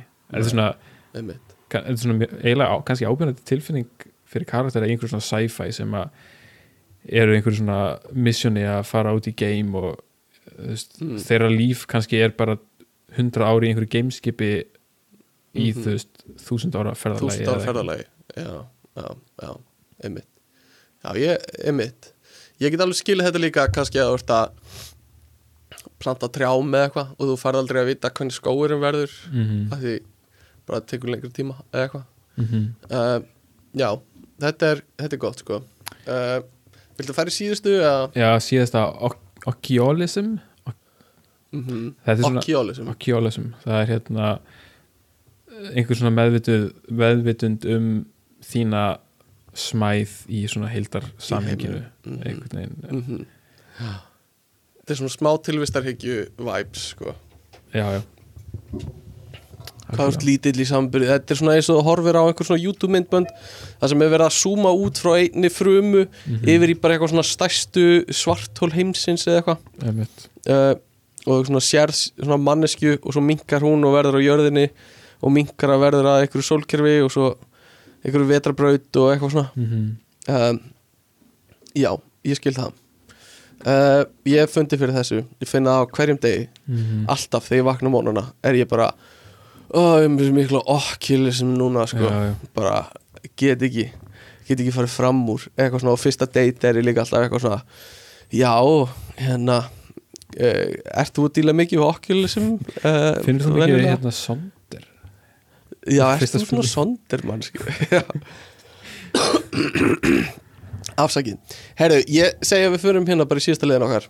Uh, og það er basically svona quiz fyrir þig mm. til að aðtuga hversu einhverfur þú ert. Mm -hmm. uh, er en búin að koma þegar nei, ég er einhverfur nú þurfum bara að vita hversu einhverfur. Já, hversu einhverfur. Uh, nei, þetta er lístu tilfinningunni þannig ég ætla að gefa þér aðstæður og þú ætlar bara eftir þínu allra fremsta megni að mála upp tilfinningunum sem þú finnur á þessu augnabliki og þú veist, stundum myndir þú kannski segja bara að ég skammast mín, eitthvað svona. En ég vil að þú reynir að taka fram uh, málingaburstaðin og mála myndina sem þú finnur ok, veitu, ég ætla að, Með ég ætla að ná svona- í hérna skjalið sko, með öllum orðunum og tilfinningum hann geti notað öll Mhm. sko, mm hérna, og þú veist, svona, þú getur talað um að þú finnir svona, það er svona skugg baggi af einhverju bitur sem svona læðist upp Og bakið á meðan og þessi textar hann að já, eins, eins bara, e, bara eftir þínu fremsta megni sko. ok, ok, ok, okay. Ok, byrjum bara einfalt. Ok, byrjum bara einfalt. Uh, þú fegst nýjan stíkasleiði jólagjöf frá kæristunniðinni en þegar þú mætir upp í brekku þá er Stefán á ennþá nýri stíkasleiði að renna sér. Já, þetta er náttúrulega bara þú veist hvað, þú kannski færið ekkit endilega einhver öf, þú veist bara vertu eins raunverulegur og þú getur sko. Á ég að vera eins raunverulegur og ég get já, já, já ok uh, þá myndi þá myndi ég bara segja algjört sko hérna bara kærleikur og Já. ég er bara samglaðist þér fyrir að hega Aha. flottan sleða stíkasleiða stígaslega afsakið Aha. þannig að en hérna ég held að það sé líka bara gleði við það að sjá að þú ert í brekkunni uh, og hérna bara mikil, engin öfund eða eitthvað svo leið nei, ég, veistu, ég er ekki ég er bara ekki þannig manneskja sko. Uh, ok, þannig að ég myndi freka bara Ok. þú veist, bindum bara sleðana saman þú veist. Ah, geðveikt. Og rennum okkur og já, drugum konan e, snild við höfum gert það áður sko, það er mjög gaman. Uh, ok, næsta þú uh, í miðjum samfélagsræði tíma þá kallar þú kennaraðinn mömmu. Það er náttúrulega bara djúbstæð skömm. Tjúbstæð sko um eitt, um eitt getur þú svona málað einhverja svona aðeins dýpri mynd? Eh, eitthvað svona, hvað er svona fyrsta sem þú hugsar, annað sem þú hugsar? Uh, þú veist þetta er bara svona, þetta er svona dæmikir aðstæði bara það sem að, þú, veist, þú vilt bara þú veist þú vilt stinga höfðin í sandin eða Mhm. ég, þú veist, ég hérna mhm, uh, sökva hún í jörðina. Mhm. Hverfa algjörlega af yfirborðjarðar aha, aha. Uh, er eitthvað svona smá sonder í þessu smá sonder? Nei, veistu, ég held að það sé ekkert, ekkert sonder. Ekkert sonder uh, ég veit ekki, kannski smá rúbatósis þú veist, ég finn Já, fyrir hjartslættinum einmitt, í hérna einmitt. bara í hálsslagaðunum ok, þannig ok, snild uh, en djúbstæð skömm. Uh, getur þú lýst tilfinningunni að verða skotin í einhverjum uh, það er bara það er ólýsanleg tilfinning. Veist, það er bara nei, ég samþykki það ekki. Ekki samþykk það er uh, það er svona um, mikil einhvern veginn eftirvænting uh, mm -hmm. spenna þú veist, nú er ég bara að segja einhver orð sko, en um, svona þú vilt hitta manneskina aftur, þú hlakkar til að hitta manneskina já, og, Eh. og, og, og, sko hérna, svo ég ná í listan hérna, þú veist, ég er ekki Já. að finna fyrir uh, ég er ekki að finna fyrir hvað heitir það?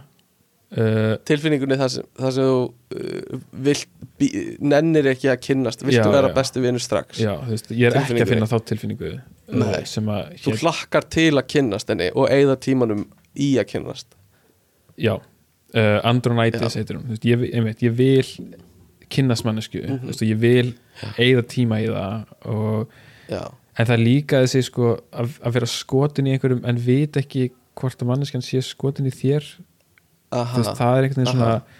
það er svo mikil einhvern veginn spenna uh, Mhm. og svo einhvern veginn svo mikil uh, það er svona uh, þú veist það, það er svo losna svo mikil spenna þegar þú síðan mm, kemst að því að mm mhm. kannski tilfinningarna eru endurgoldnar en á sama Mhm. tíma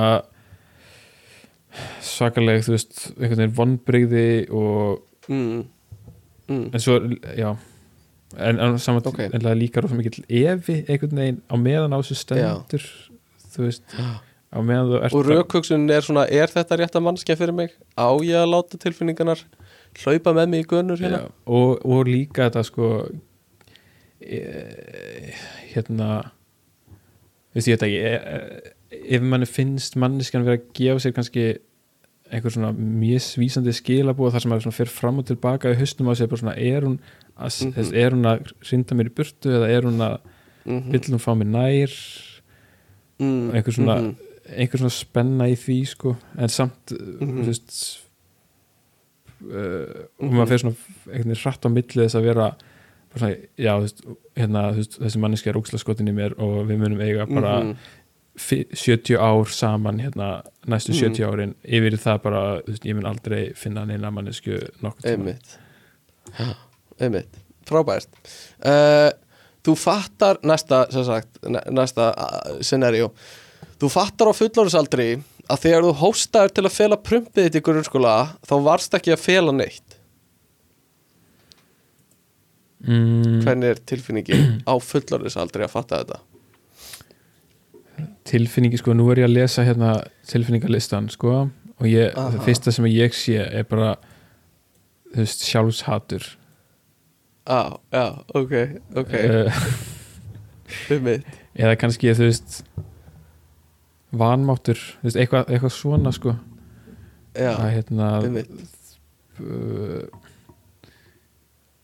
og líka kannski þú veist svona tilfinning að veist, það er sem þú hugsaðar þú veist, ef þetta var veist, ef þetta var vitlaust hvað annað er ég búin að vera að halda Já, og já. hugsa uh, allan annan tíma? Einmitt. Já, ég skil það uh, ok, höldu svolítið vel að speðanum hérna. Næsta er í fyrsta skipti sem þú leiðir einhvern sem þú ert að byrja að hitta tilfinning er það?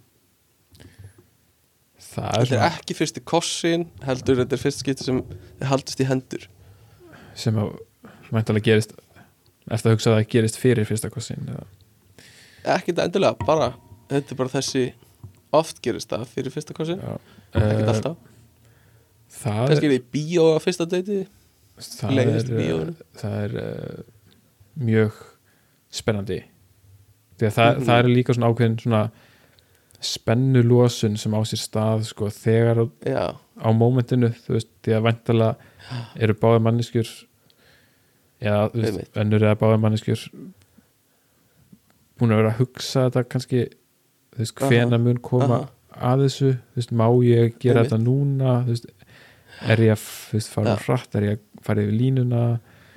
Uh og en svo, þú, þú veist, veist manneskjan kannski tekur við leiðinu, Mhm. handabandinu.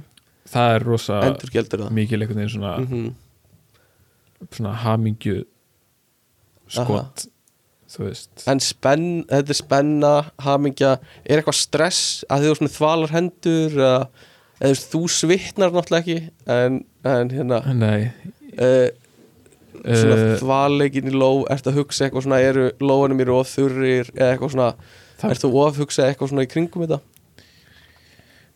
já, þú veist já, alveg potið sko. uh, þannig að kannski Mhm. einhverja svona þú veist, já, þú veist, ég sagði áðan spenna yfir því hvort að sko hvort að þetta sé rétt á mómentið eða þú veist, sem er þá kannski líka einhver náttúrulega hræðsla yfir því sko, hvort að þú kunnir yfir höfuð að leiða aðra mannesku Lærðu ég það aldrei. Já, þú veist, þessi Eh, fyrsti kossin þú veist, þar ertu svona þú veist, kann ég að kissa? Uh, Kiss, Já, já, já. En þannig að Einmitt. svona, þú veist, veit ég Er- er, hvaða puttar ég að fara hvert og eitthvað svona. Er prumpið mitt kannski ekki að fela kossahljóðin? já, nákvæmlega. Eitthvað, ok. Uh, Ok, næsta. Þegar þú sérð gamlan kærasta eða gamla kærustu í partí Hvernig er svo tilfinning? uh, Vá, góð spurning sko. Þetta er eitthvað tilfinning sem ég hef ekki upplifað. Nei, og þetta er tilfinning sem ég hef svona semi upplega, ekki í partíi kannski. En þú veist lengi eftir uh, sambandslið hjá mér, þú veist þá fekk ég alltaf svona sökka eitthvað í maganum mínum sko, Já. því ég sá mannskuna ég trúi því alveg sko. Og þú veist, ég, ég hérna þú veist, ég hérna þú veist, það er núna uh, ég veit ekki þrjú ár. Tvö- já, verða þrjú ár. Já, örugglega, síðan að þú veist síðan að ég og mín þáverandi hættum saman. Og ég Mhm. hef ekki séð hana.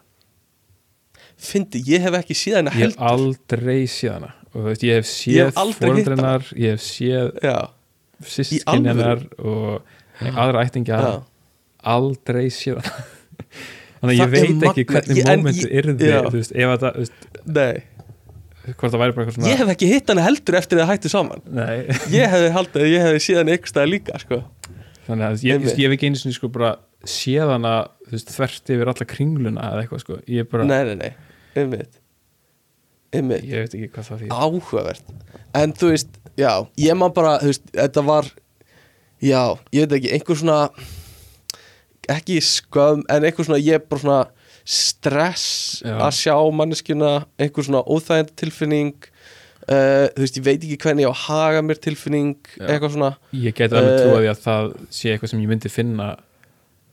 Þú aha, veist, þó, að, þó að ég ber enga tilfinningar til þessara mannesku en þá mhm. Að þá samt eitthvað svona þú veist, hérna, já, ég, það er óþægilegt sko. Uh, og ég veit, já. En ég held að sé líka mismunandi sko, sumar, ég er ein kærasta sem sem ég, þú veist, þegar ég hitti bara ekkert, eða þú veist, bara bara eins og vin, eða þú veist, eins og hitta vin minn skilur, já, bara, þú veist en svo eru einhver önnur sem er bara, væri já, ekki ennþá skilur, en á tímabili var svona mikil óþægða tilfinning Mhm. að vera bara í kringum manneskina Mhm. uh, ok uh, þegar þú heldur í fyrsta skipt á síniðinum eftir að fæðist ég held að Lýstu það sé bara þeirri tilfinningu. ó, ég myndi halda að það veri ef allt gekk vel og allt bara, þú veist, svona þú veist, ef allt er í lægi að þá er það bara mm. örgulega þú veist, það er örgulega svona frá hreinasta form af hamingju get ég alveg hugsa Mm. Mm á því mómenti léttir hamingja, já, já, þú stolt þú ég held að það sé einhvern veginn allar þú allar svona jákvæð tilfinningarna líka vegna þú þar er þú veist, það er búið að vera svo mikið ástand í gangi, þú Mhm. veist, fæðingin er Mhm. þú veist, sama hversu í rauninni vel hún gengur, þá er fæðing samt alltaf major dæmi veist, og það er búið að vera svo langur aðdragandi þannig að það er mikið svona einhvern veginn spennufall. Einmitt. Og, uh, og niðurlæng Mhm.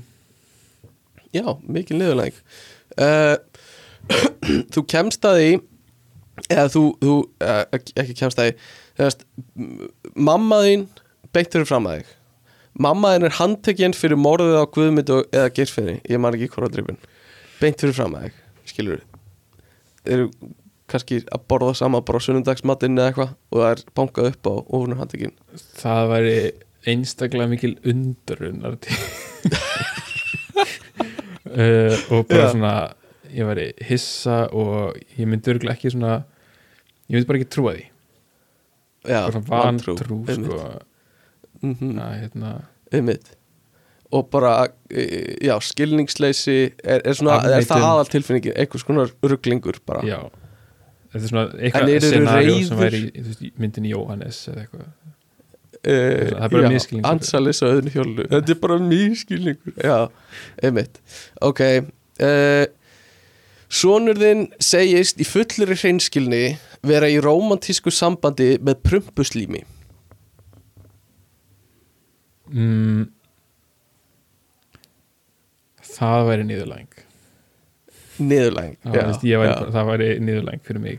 Veist, þó að væri Já. engin annar það væri bara Í kring, já, einmitt. Þannig að veist, ég fyrirlít bara prumpuslím já, ég veit það. hérna, Einmitt, þannig að ég gæti Einmitt. ekki þú veist, ég, já. Besti vinur minn einu sinni var prumpuslím og ekki lengur. Ég vil ekki, bara, ég vil ekki tala um það meira. Nei, nei, nei, ok, allt er góði ekkert mál. Ég hef bara ekki Eh, séð prumpuslímið síðan við hættum að vera vinir sko. en ég veit ekki hvað ég myndi gera ef ég myndi sjá prumpuslímið aftur. Nei, nei. Sorry, ég eh, bara byrðist afsökunar. Uh, Ok, þú heyrir rödd og finnur nervur guðs á meðan þú busta tennunar einn daginn og hann byður þig um að gretta þig í bakgrunn á beinni útsendingu í fréttunum eins mikið þú getur hérna af.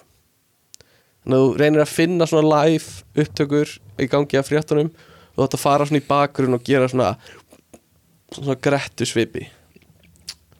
Uh, eitthvað.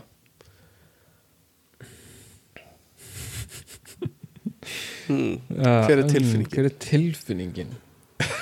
Uh, mm, við lemur að kíkja á listan